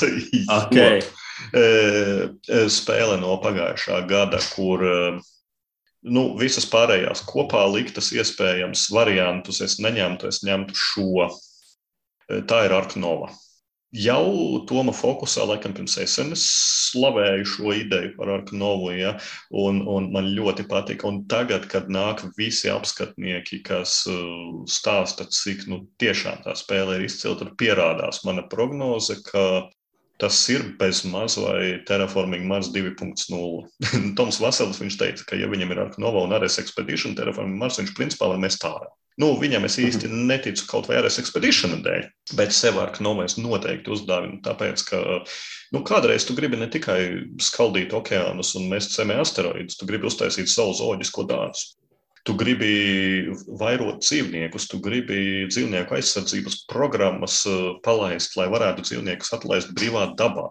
Tu gribi piesaistīt investorus savam zooloģiskajam dārzam. Tu gribi šo te tile placementu, lauciņu izvietošanu, lai būvētu dārzu zvēriem, bet visvairāk tu gribi to, to, to saldo momentu, ka tev atkal rokā ir 20 kārtas, un tu no viņām vari spēlēt un kombinēt. Nu, principā terraforming Mars, bet, bet, bet koš uh, mehāniski šī dzinēja, veido, dzinēja veidojams, koš uh, simpātisks un ar, jau ar daudziem labiem uh, apskatiem un atsauksmēm. Tas, tā, tā, tā ir spēle, ko es sev pats daru. Tā ir Arknova. Jā, jā, jā. Mums bija arī sarunu gatavojas epizodēm, mēģināt saprast, ko tam otram cilvēkam viņš gribētu sev uzdāvināt. Šo es to nedāvinātu principu pēc, ko darīt visiem tiem nenormāliem terforming Mars ieguldījumiem. Jā, tā, jā, jā, jā. Patikt par tā, tas būtu bēdīgi. Nē, es domāju, ka viņi abi var sadzīvot. Es ticu, ka viņi abi varētu sadzīvot kolekcijā. Mm -hmm. Ko tu sev uzdāvinātu? Man ir, man kā milzīgam ganšanistam ja man kāds pats saka, ka uh, Gančans uh, ir sadzēries steroīdus. Pamatīgi. Viņš ir to vien, man liekas, ka sadzēries. Viņš, viņš, ir, viņš ir savairojies desmitkārtīgi. Viņš jūtu. ir izaudzis liels un runā par seno Romu. Tad, tas ir, tas ir absolūti priekš manis, tas ir Hadrians Wall, uh, ko es uh, absolūti gribu izspēlēt. Un, vienīgais iemesls, kāpēc viņš šobrīd iegādājies, ir cena par flip and write spēli pie 50 eiro. Es līdz ko viņi kaut kur parādīsies par 35, es momentāli domāju, ka paņemšu uh, kādā brīdī, un tur ir daudz puzles, tur daudz tā, kom, tas šis spēles var saukt par kombastik. Kur ir kombinācijas, kombinācija galā, kombinē visas lietas, un tas ir milzīgs uh, uh, apjoms, tie fundament, fundamentāls man liekas, ka jā, ja mēs varam to Rolandu Rainu žanru eksplodēt. Tas ir tas, ko es noteikti bet šis ir. Bet šis ir eksplozijas absolūti gala punkts. Tālāk es vairs neredzu. Man liekas, līdzīgi kā bija Toku, vēl vairāk par Heidrienas volu. Nu, nav jēga mēģināt izspiest vēl lielāku kaut ko. Bet ticiet vai nē, ticiet vai nē, un pat Kristaps man var ticēt vai nē, man rekur melns uz balta vārdā ir rakstīts rezerve Heidrienas volu. Jo, ja, ja nu pēkšņi sakristu, ka Kristaps man dāvina Bitoku vai Fainogēlu, tad mana rezervē bija tieši Heidrians Vol, un tieši ar to argumentu, ka Kristaps stāstīja pasta salas dūžu epizodē, cik viņš ir labs, ganšs un kleverā, un es viņam uzdāvinātu virtuālo Heidrians Vol un teiktu, parādi, cik tu tiešām esi labs. un, jā, jā, jā. Tieši ar tiem argumentiem tu nāc un saki, jā, to tu pats sev uzdāvinātu. Tā kā, jā. jā, ir, tas ir interesants produkts. Viņš ir tiešām īpatnējs. Viņš to rollerride žanru pagriež reāli pretējā virzienā, uztaisot nopietnu, ļoti smagu, gan jau kā spēli. Mm -hmm. Es neesmu mēģinājis, man liekas, es saprotu, ka tā ir pamatojums, kāpēc viņš ir tas uh, flipping vai rolling right un tā tālāk. Uh, žanrs kā tāds, un viņš, uh, nu, ļoti bieži tam grūtākām spēlēm, kur arī Tucija bija dizainējis par Romu. Es neatceros, kā tā Romas spēle saucās. Viņa nebija pamatojuma. Roman Roll, man liekas. Roman Roll, kas tamlīdz. Viņa nav pamatojums būt par Roman Wright spēli kā tā ir, bet šeit tas ir. Tad kombinē svītrojas un ņemies un mm. pamatīgi darbojas. Un, uh, man tāda sajūta, ka šī sezonā viņa kādu dienu būs svaigām gardā. Tā ir laba sajūta. Tā ir tiešām laba sajūta. Bet vislabākā sajūta ir trešās sezonas pirmais kreisais top 5. Bum! Un mūsu kreisais top 5 trešajā sezonā pirmais ir ar nosaukumu Lai spēlēt, nav laika. Vai ne? Tieši tā. Nevajag, nevajag veltīt laiku spēlēšanai, jo mums ir daudz lieliska satura. Mēs turpinām jau iesākto dzīves stila podkāstu, kreisais tokens par masu mēdījiem, par, par seriāliem, bla, bla, bla. Mūsu iecienītākie galda spēļu satura veidotāji, kam mēs sekojam, skatāmies un klausāmies. Un uh, es teiktu, ka mans tops ir diezgan tradicionāls, un es uzreiz jau varu pateikt, visdrīzāk, ka tev, Krista, būs daudz vairāk īpatnēju variantu kā man. Yes, man domā? būs. Gan jau būs, bet es būšu pārsteigts, jums nebūs vismaz viens pārklājums. Es domāju, ka viens mums būs noteikti, es pat mm -hmm. zinu, kurš. Un varbūt divi, bet vairāk iespējams pat nebūs. Nebūs. Ko es gribu pieminēt godājami? Nu, viena lieta, ko man ir jāpiemina godājami, lai arī tas netika top 5, ir tīrais podkāsts. Tas ir Board Games Insider, kuru veido. Viņš tā nav top 5. Viņš man nav wow. top 5. Viņš ir tuvu. Viņš ir ļoti tuvu. Kāpēc viņš man nav top 5? Tā, pirmkārt, kas tas ir? Ignācijas. Ignācijas Čevičs, Portugāles prezidents un Stevens Bonekurs, kurš sevi dēvē par Podfather of Gaming, ja, kādreizējais Stronghold Games prezidents. Un eh, te arī ir tas uzsvars uz to kādreizējais, jo viņu podkāsts man vienmēr ir ļoti paticis, jo viņi pieiet no dizaineru, un, ne, ne pat ne no dizaineru, bet gan no dizaineru, gan no izdevēju puses. Viņi tiešām lieliski izskaidro tos procesus, kādi notiek uh, ar spēļu pičošanām, ar to, kā viņi strādā ar dizaineriem, kā viņi izvēlas, kā viņi vienkārši komponentus domā. Teiksim, elementārākais, nu, super vienkārši iemest par Borgēmas Insider, ja tur viņiem uzdots jautājums, kāpēc visur neliek uh, laminēto vienu lapiņu un flomīti. Kāpēc mm. Rolandraitos mēs tikko runājam par Rolandraitiem, kāpēc tur liek bloknotu un zīmuļu šķupu? Un Stevens Bonakurs pateica, nu, ka tie aprēķini 30 reizes dārgāki. Mm. To zināja, neviens to nezināja. Un, un tādi momenti šādā nu, Borgēmas Insider podkāstā ir daudz, un, un, un Bet tur ir tik daudz arī bullshit, īpaši kopš Stevens Bonakos ir pensionējies. Nu, Terraforming Marsu viņš izdeva, pārdeva un varēja aiziet pensijā. Tagad viņš stāsta, kā viņš nopircis jaunu korveti, vizinās pa Ameriku, ja, ka viņš renovē savu māju peldu baseinā, kas ir riktīgi forši klausīties, ka cilvēkiem ir laba dzīve, bet, bet tas vairs nav gluži tik industrija orientēts podkāsts. Jā, jā, es arī esmu klausījies. Es, es nevarēju, es neklausījos pēdējās, pēdējā laikā, bet es nevaru izturēt tos, to upscale, to atšķirību. Kā tā ir, kur Bonikurs, ok, mēs tā, tādu spēli palaidām, un viņi nenormālā entuziasmā stāsta, ka viņi kaut kā tur mazo pasākumu poli. jā, jā, jā. ļoti pārliecinoši tas sākās vai arī kārtējais niršiem heks kaut kāds mazais paplašinājums. Tas ir. Nu, nē, nu, man, man viņus patīk, viņus paklausīties forši. Man ir vēl jā, viens godājamais no, no. pieminējums, kas ir, viņš būtu top viens vai divi. Ja viņi nebūtu pandēmijas laikā nobeigušies, nu, jo, jo tā ir grupiņa cilvēku, kas savāc savā starpā, viņi uzspēlē spēles un viņi taisa apskatus, neko citu bet viņi taisa superkvalitatīvus apskatus. Viņi, tur, viņi izlaiž divus apskatus gadā, apmēram. Tas ir inside the box. E, YouTube. E, ir vērts viņu apskati, katrs viņu apskats ir e, iestudēta teātris izrāde. Ne visi ir izdevušies, bet, piemēram, saitam viņu Inside the Box vai Viticulture. Es visiem iesaku atrast YouTube Inside the Box Viticulture apskatu. Viņš ir truls, brīžiem jēls, bet, bet tā ir teātris izrāde ar labiem aktieriem. Un, um, Un šādi apskati viņiem iznāk kaut kādi divi gada laikā. Un pandēmijas laikā viņi vienkārši vairs nevar satikties. Viņi dzīvo dažādās Amerikas vietās, un viņi jau gadus, divus, trīs neko nav izlaiduši. Tā, tāpēc viņi ir tikai piemineklis. Mm. Un pēdējais piemineklis kurš pirms, ja es taisītu pirms pāris gadiem būtu top 5, tas ir Game Boy Geek. Um, viņš arī piedzīvo, manuprāt, tādu mērenu tā, tā downfallu, ka viņam bija kaut kāds punkts diezgan augsts, un tad viņš sāka mēģināt mērķēt augstāk. Viņš visu laiku gribēja panākt uh, Daistavara leveli. Viņš bija kādreiz arī Daistavarī dalībnieks Gameboy Geeks. Un, un, un, un, un tad viņš aizgāja pats to visu darīt, sadarbojās ar dažādiem online veikaliem. Viņš mēģināja sasniegt to, lai viņš varētu aiziet no pamatdarba un veikt tikai satura veidošanu galdu spēlēm. Un tas viņa mērķis vienmēr Kickstarteros bija 30,000 vai 40,000. Un viņš vienmēr katru gadu palika kaut kādus 3,000 par īsu. Un, un viņš bija viens no tiem, ko es vienmēr domāju, nu, vajadzētu atbalstīt. Nu, vajadzētu. Un tad eh, pēdējos gados, man liekas, tādēļ, ka viņš to nav sasniedzis, viņam panika ir sākusies. Viņš mēģina pārformatēt, viņš maina savus apskatus formātu. Viņš ieliek eh, video apskatu sākumā īso apskatu, final photos, un tad sāk īsto video apskatu. Nu, eksperimenti ar formātiem un tā nav viņa kanālu padarījuši labāku, bet tas bija ļoti ok. Tātad tie ir mani trīs godājumie pieminiekti. Uh -huh. Podgames Insider podkāsts, Inside the Box YouTube video un Gameboy Geek YouTube kanāls. Jā, es neesmu beigas Gameboy Geek fans, bet to man daudz vairāk priekš sociālajā dedukcijas spēles. Tas no, viņam, viņam patīk, jā, tāda tipa spēle, bet nē, viņš ir diezgan daudz uh, lietas. Tāpat viņam ir interesanti. Gada topi vienmēr viņam ir interesanti, kad viņš apskata dažādas kategorijas un tā.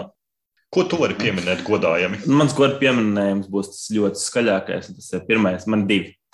Pirmais būs Daistovers, kas neiekļūst manā top uh, pieci Jo es viņu skatos vairāk informatīvi, līdzīgi kā tu skaties, kā es skatos, piemēram, ziņas televīzijā. Mm -hmm. Ir forši, viņš ir milzīgais kanāls, ko, ko vajag paskatīties daiztoveram, bet viņi neizbauda tik daudz kā visus pārējos, ko es skatos. Un es skatījos vairāk uz izbaudīšanas aspektu. Tas ir viens, un daiztovers ir tas, ko zina visi. Tur nav ko komentēt. Protams. Un otrs, ir, kas man ļoti patīk, kas noskries pilnīgi viss, tas ir uh, spēļu skiču kanāls ko veidojas Paula Demings un saucās Things Get Dicey. Mm -hmm. uh, kas ir absolūti smieklīgākie spēļu skiči ar uh, sketči, nevis skiči, arī sketči ar ļoti labu humoru, ar sarkasmu, mums kā spēlētājiem daudz dažādām spēļu lietām un elementiem ir ļoti, ļoti feini. Ir līdzīgs kanāls, tas Shelfside, kur korejiešu, japāņu. Jā, jā uh, bet viņiem nav tas, sketch, tas ir nav cits levels, liekas. No produkcijas pilnīgi. līmenis kā mm. tāds, un nav tāds rakstīšanas līmenis kā tāds. Un uh, Get Dicey es noteikti iesaku katram, kas klausās, nu, veltiet stundas, lai jūs varat noskatīties visus manuprāt, kas tur ir. Viņai viens no vienas bija, man liekas, ka vingrošana pandēmijas laikā tas bija garāks. Tas bija 11 minūtes. Viņa vingroja dažādām spēļu. Jā, jā, jā, jā, jā, bet uh, var paskatīties, un jūs noskatīsieties dažus, noskatīties visus laika gaitā, un viņi ir forši, viegli. Uh, ir vērts piesakoties 4-6 minūtes. Parasti tas ir jā, 2 līdz 6 mm. -hmm. minūtēm. Ļoti, ļoti labs ieteikums. Nu, es teiktu, ka mūsu godājumie pieminekļi jau ir bez maz vai labs tops. Bet, jā, bet, bet, bet, būt, bet tops būs, uh, tops man sākas ar piekto vietu, kas ir no pan included. Uh, mm -hmm. Arī es teiktu, ka visdrīzāk Pirms dažiem gadiem viņi nebūtu man pieciniekā.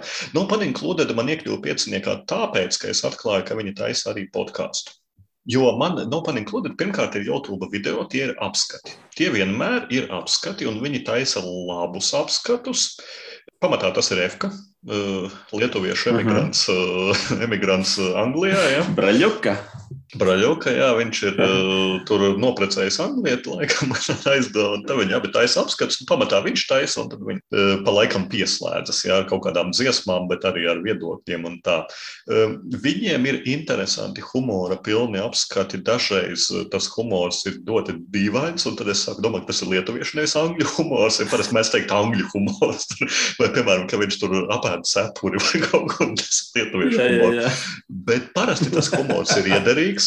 Līdzīgi kā nosaukums No Pun Included, nu, tur tiešām ir izmantoti pani, cik vienu var, respektīvi vārdu spēles dažādas, un tas ir interesanti, ka to dara lietuvietis. Tas arī vienmēr ir interesanti tādām lietām mm -hmm. sekot, ka vārdu spēles, ka nedara īsts anglis, varbūt, ka viņam raksta skriptus uh, sieva, bet, nu, jebkurā gadījumā tie apskati viņiem ir kvalitatīvi un forši, bet ko es netik sen esmu atklājis, viņiem uh, Ir arī podkāsts, ja kāds grib podkāstu bez lieka bullshit, kur runā tikai par spēlēm, mums arī kreisā tokena sākumā teica, ko jūs tur ņemās, tur kaut kādi bezgalīgi dueļi, visādi figņi, migņi, ludozauri. Ja? Vienkārši izvēlieties spēles un pastāstiet par tām. Ja? Tad lūk, jums ir ieteikums. No pun included podkāsts.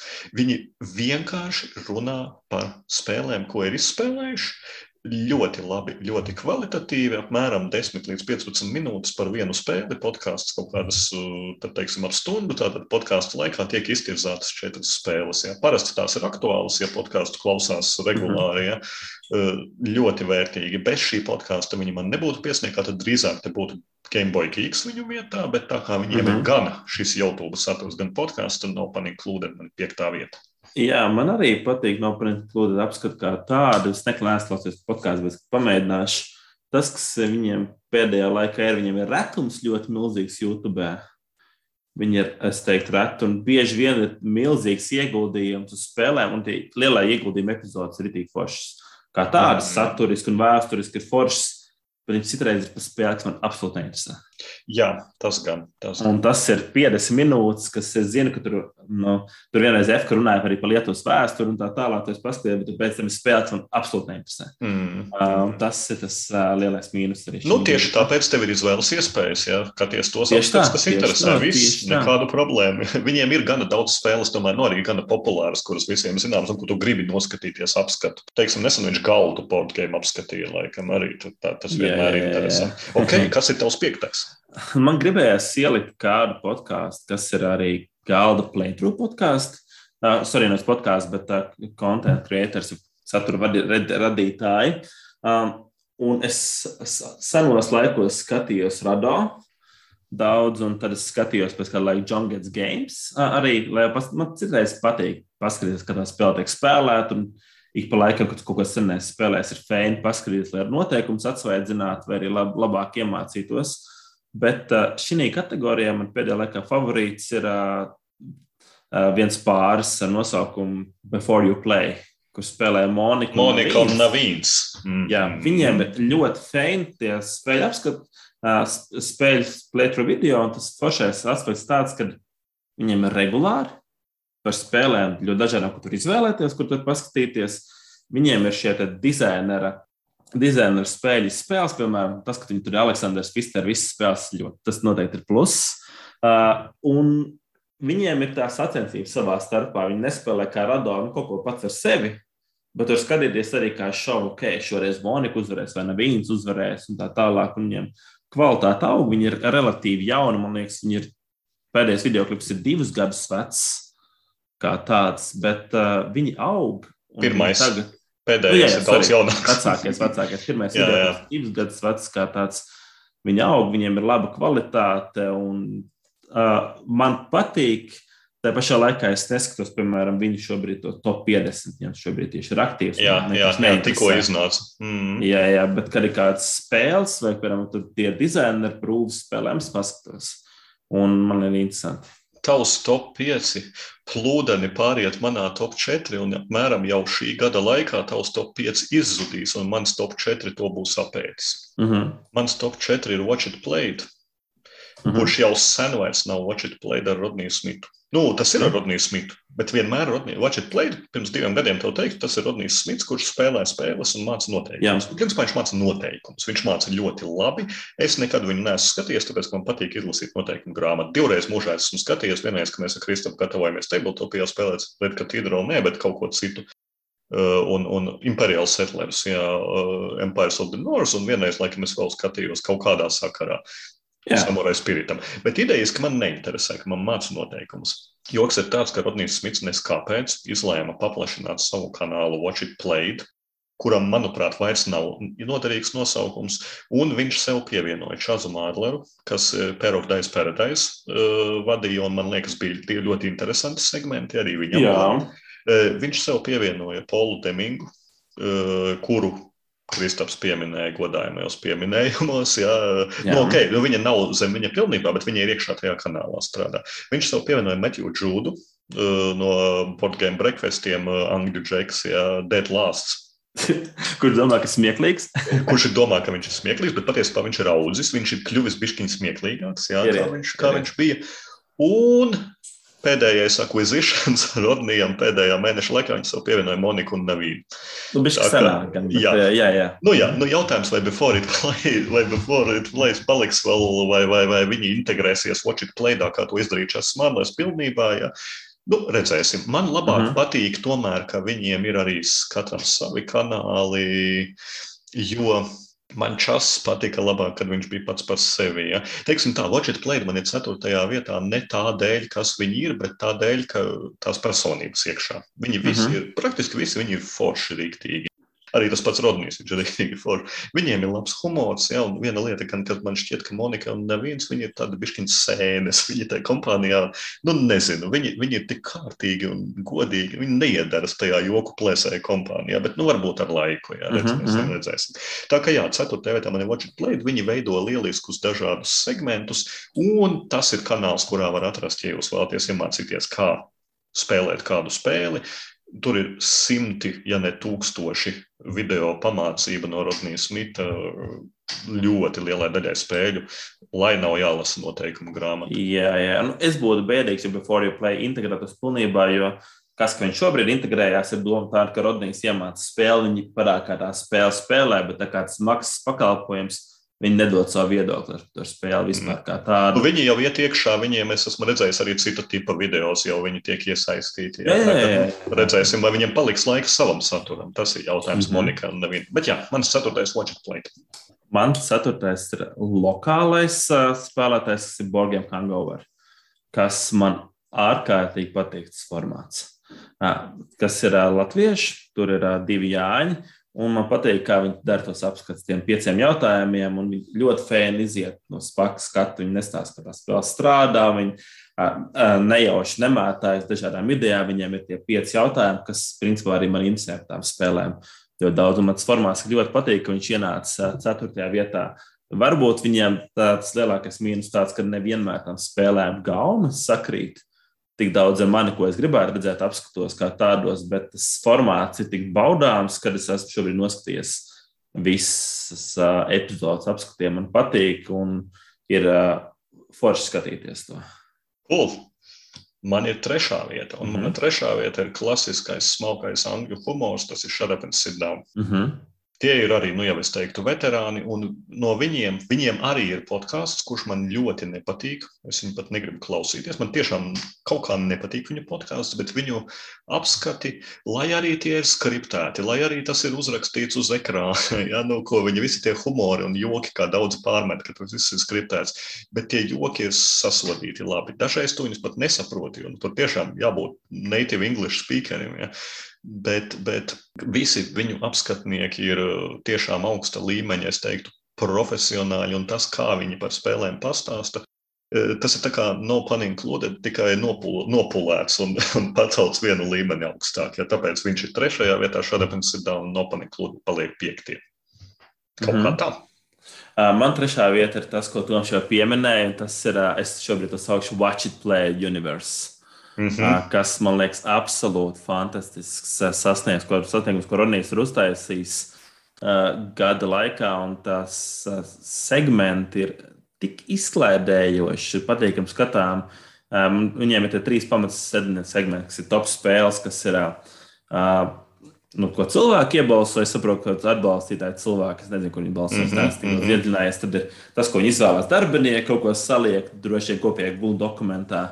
Un ir momenti, kas ir, kas ir Čels Mārlis to pārsvarā vada par spēlēm, kurām kāp popularitāte, uh, reitingu, popularitāte, mm -hmm. Borgiem Gīkā kā tādā. Un tas viss ir aši, ātri pārskatām ar labu humoru un dažādām tām epizodu tēmām, kad es baudu viņus laiku skatoties. Un tas ir, manuprāt, ļoti labs sasniegums gada laikā, ko, viņi, ko Rodnijs ir izdarījis savam kanālam. Un, tāds uh, labs nākošais līmenis. Kā, Jā, bet tas nākošais līmenis, es saku, man, man visvairāk griež acīs watch it play. Tas vairs nav watch it play. es saprotu, tā ir Rodnija firmas zīme, bet tas jau ir kaut kas cits. Jā. Nu, nē, bet, protams, mm. mainīt, tā, mainīt tādu nosaukumu tas būtu neprāts. Jā. Pat, jā. pat mūsu mazajā industrijā. Ok, man numur divi. Zin kā, ir tā, uh, jūs varat teikt, ka es esmu Nē, šajā gadījumā tas nav snobs, bet kvalitatīvs satura piekritējs. Bet jā, es simts punkti es zinu, ka Kristaps tūlīt izvilks kādu Sherman of the Board vai kaut ko, vai, vai kādu citu, vai, vai Undead Viking Džeku vai kaut ko, kas uh, sēž uh, netīru bārdu, nemazgātiem matiem, džemperī pie slikta apgaismojuma un stāsta tev par spēlēm. Un, un, un, un tad, tu, tad tu domā, jā, lūk. Man pirmajā vietā tieši tādi. ka es esmu rīktīgs undergrounds, ka es viņu skatos. Es tā negribu. Es gribu, lai mans saturs tiek piedāvāts cik vien kvalitatīvi tas ir iespējams. Un, un ir džeki, kas, eh, es teiktu, viņi spēlē pušu daistāveri. Viņi spēlē pušu visus tieši satura nopulētībā. Tas ir man versus mīklu. Viņi gan ar savu video pasniegšanu, gan ar eh, tādu struktūrētu sarunu, viņi atgādina, es teiktu, nevis galda spēļu, bet, bet teiksim, kaut kādu nopietnu kinokritiķu studiju, ja? vai sporta spēļu studiju, bet augsta līmeņa, nevis dināmo starp periodu studiju, ja? kur, kur eh, džeki, kuriem ir humors, bet tāpat viņi, viņi, viņi gan nopietni apskata spēles, viņi spriež par saviem topiem. Eh, viņiem viss ir, nu, video ir super augstas kvalitātes, visas pārējas vizuālās, e, uzraksti apakšā, augšā, ja, e, topu vietas, un, un, un tas viss ir tik smuki nopucēts, ka tas ir, un, protams, arī labs saturs, jā, nu, viņa nebūtu man topā, ja nebūtu labs saturs. Bet tas viss e, efekts, cik labi viņi māk to pasniegt, viņus uzceļ līdz otrajai vietai. Tas ir man versus mīpli. Jā, man, man patīk man versus mīpli. Es gan teiktu, ka pēdējā sezonā viņi palikuši mazliet vājāki Un viņam arī labs Kickstarters nebija super veiksmīgs kā tāds pēdējais. Laikam, laikam jā. Nu, viņa, man liekas, bija kaut kāds 50 tūkstoši paredzējuši, tik knaps saknabinājumu. Kickstarterī, ja tu saknabini tik, cik tu esi paredzējis, tas nav nekad veiksmīgi. Nu, viņi varēja paredzēt 5, un tad būtu 10 reizes vairāk. jā, jā, bet nu, 50 tūkstoši pēc viņa kvalitātes un tā tālāk man patīk, es skatos. Man nevisai interesē tas viņa solo saturs kā tāds. Nu, viņi piesaistīja Jeremiju Hovardu, kurš kuram bija atsevišķi savs kanāls. Jā, tā, tas ir vēl viena interesanta tendence par Watch It Played un Menezes Mīplu un Jeremiju Hovardu, ka tiek apēsti daudzi vientuļnieki jau un ievilkti šajos te grupējumos. Jā, jā, bet nu, viņa tas uh, iknedēļ tie apskati un ap, apskati kā tādi ir forši. Tur ir vērts paskatīties labu analīzi. Un, ja, te, ja tev arī esi Eirofans, tas palīdz šo skatīties. Mm. Noteikti. noteikti. Jā. Nu, kas tad ir otrais labākais Undead Vikings? Otrs labākais Undead Vikings ir uh, laikam jau visstilīgākais satura veidotājs, kas ir Shut Up and Sit Down. Tomēr. Nu, man patīk, man patīk uh, briti joki, man patīk, kā viņi ir izveidojuši to uh, komandu. Un, uh, man patīk, ka viņi atļaujās tām spēlēm nu, būt ļoti selektīvi ir forši, ka viņi selektīvi. Viņi, viņi, viņi sit stipri, kad ir kritika. Jā, jā, Tas arī jā, ir patīkami. Kad ir kritika, viņi sit stipri un viņi daudz cituši arī spēlēks. Man ļoti patīk pašam, ka tādam nepiekrīt, bet uh, to ir tik uh, baudām skatīties. Un ne tikai baudām, tas vienmēr ir pamatot un saprot, kāpēc, kur ir tā kritika, un viņi pārsvarā ir izsvērta, pārdomāta. Tas ir ok, kad Uh, tas ir skriptēts. Mēs droši vien arī gribētu vairāk, lai, piemēram, politiķu runas ir skriptētas un iepriekš sagatavotas? Uh, un pārdomāts. Un šeit ir pārdomāts, tur ir kvalitāte, tur ir gadu pieredze. Es domāju, piekrītu par uh, podkāstu kā tādu. Es gan mēdzu kādreiz paklausīties, bet tas ir podkāsts, ko klausies, kamēr tu uh, cep zivi un paralēli vēl aizēji kaut ko parunāties.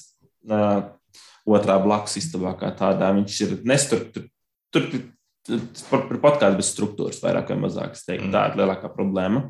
Jā. Nu, tātad šāda gan sit-downs mums pārklājās, watch it plays mm -hmm. mums pārklājās. Jau ir nu, divi. labākie pārklājas, jā. Nu, jā, nu, mana pirmā vieta nevienam nebūs pārsteigums. Tas joprojām ir Juggernauts absolūtais, ja tas ir uh, Dice Tower un, un, un, un, un viņus es patērēju visvairāk viennozīmīgi. Tur nav citi netiek tuvu, ja gan podkāsts, gan viss viņu video saturs, jo viņu iespējas, nu tieši šī finansējuma un cilvēku satura dēļ, viņu iespējas ir tik lielas, ka pārējiem ir grūti konkurēt. Jo viņi var piedāvāt gan apskatus, gan iknedēļas segmentus dažādus, gan uh, live stuffu, kurš nevienu neinteresē. Nu, vismaz mani noteikti. uh, visādi live spektakulāri, viskaut kādi mēsli, jā, kur viņi spēlē dienām spēles, tas man besīja riktīgi nodokļu maksātāju naudu iztriek, kā pareizi, es viņus neatbalstu. Ne, man besīja tas, ka, tas, ka viņi izspēlē to apskatu, tad divas nedēļas paņem brīvlaiku un tā nav. Jā, jā, jā.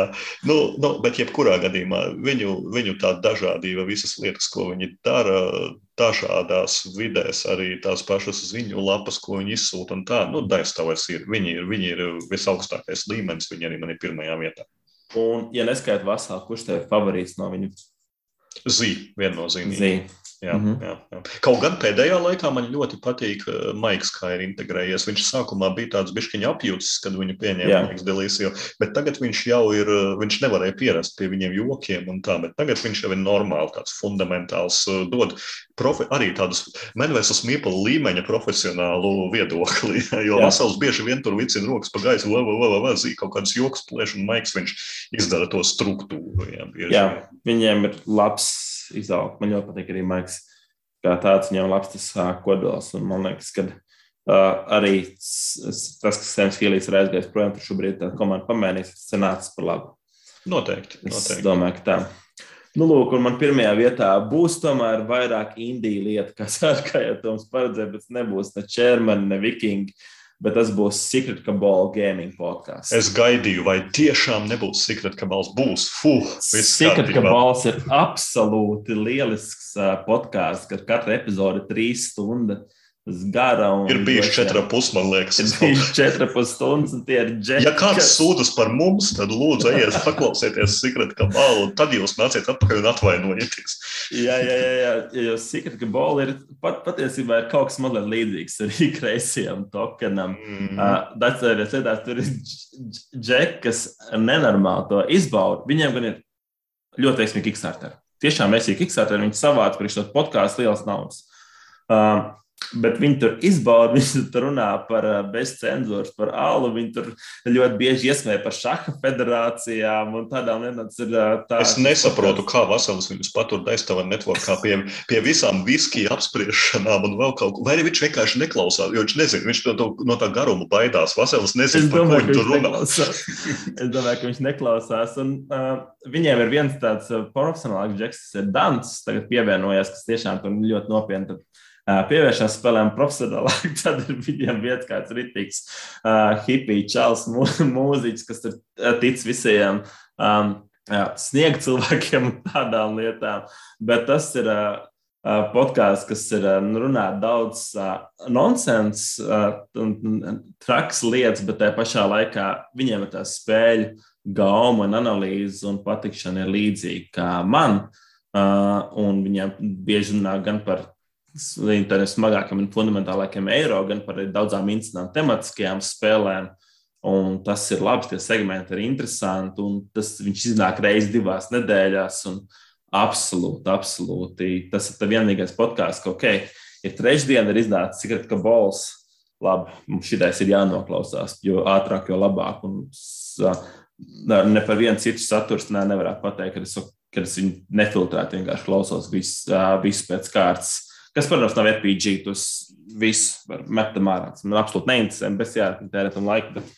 Nu, man būs jāsāk piedomāt, tad, kad Daistovara podkāsts beigsies, ka kaut ko viņu vajadzēs aizvietot, un iespējams, ka būs jāatgriežas. Secret, ka balēs tomēr viņu ilguma dēļ atmetu, jo e, pandēmijas laikā tu vairs nepavadi tik daudz laika ceļā uz darbu un no darba, un, un, un tad tu mājās, mm. mājās es tomēr nesaņemos sēdēt trīs stundas klausīties podkāstu. Ja? Nu, tas ir grūti atrast tik daudz laika. Bet, nu, ir, ir viņi, kas man patīk, Secret Kabalam. Tagad, tu viņus klausies bieži, tur vienu nedēļu, otru, trešo, tu sāc justies tā, kā tu esi viņu barā. Tu esi jā, viņu čoms, jā. Viņi runā ar tevi, un, un, un, un viena lieta, kas man nav skaidrs, kā viņi visi tur septiņi vai cik viņi ir, kā viņiem izdodas nomanežēt, ka viņi nerunā viens otram pāri. Tā ir super pieredze. Viņi vienkārši es... tās stundas tur dzer alu. Nu, jā, bet ne, es saprastu, ja viņi būtu vienā vietā, bet ja viņi ir attālināti, kādā, pat mēs ar Kristapu bieži vien kaut ko runājam, pārunājam viens otram pāri, mm. un pēc tam rediģējot, ē, tagad tā jādzēš nost celiņš vēl. Viņi bija jā. septiņi, man liekas, vai vismaz seši. Jā, bet tu vari dabūt tur visu, ko tu gribi. Tur ir gan boardgame news, ārā var dabūt gan apskats, gan uh, dažādus uh, joks un tēmas. Un, uh, tas ir podkāsts, kad sākumā liekas, viņam ir ļoti daudz inside joke kā tādu, kas. Uh, tāpēc viņam ir tas koncepts, ka, ka bola un viņi tur, uh, viņiem ir boardgame gilda un tur, tur ņemās cilvēku. Un, darbojās, bet tā, ka tu ieej tajā ritmā, tad tas, tu jūties tiešām tā kā Toms teica, ka tu jūties kā ģimenē. Tas ir rītīgi forši. Absolūti iesaka. Jā, nu, Ir, ir, ir ļoti daudz lietas, man liekas, mēs esam ieteikuši klausītājiem, lai viņiem nebūtu jāspēlē spēles. Šodien mm -hmm. vispār tāds segments. Mēs seriālus varam skatīties, varam skatīties YouTube, klausīties podkāstus, visu ko. Galvenais - nespēlējam spēles. Jā. Spēles spēlēsim mēs ar Kristapu, lai februārī atgrieztos un kaut ko jums pastāstītu, vai ne? Tieši tā. Cerams, ka būs kaut kas ļoti svaigs un traks. Ļoti garš un ļoti traks. Un tagad gan mm. ir mhm. izaicinājums. Es nezinu, ne, kaut ko es noteikti varu izdomāt. Jā, jā, jā, jā. Būs labi. Būs labi. Turamies un, un, un tiekamies atkal februārī. Atā, tā. Atā.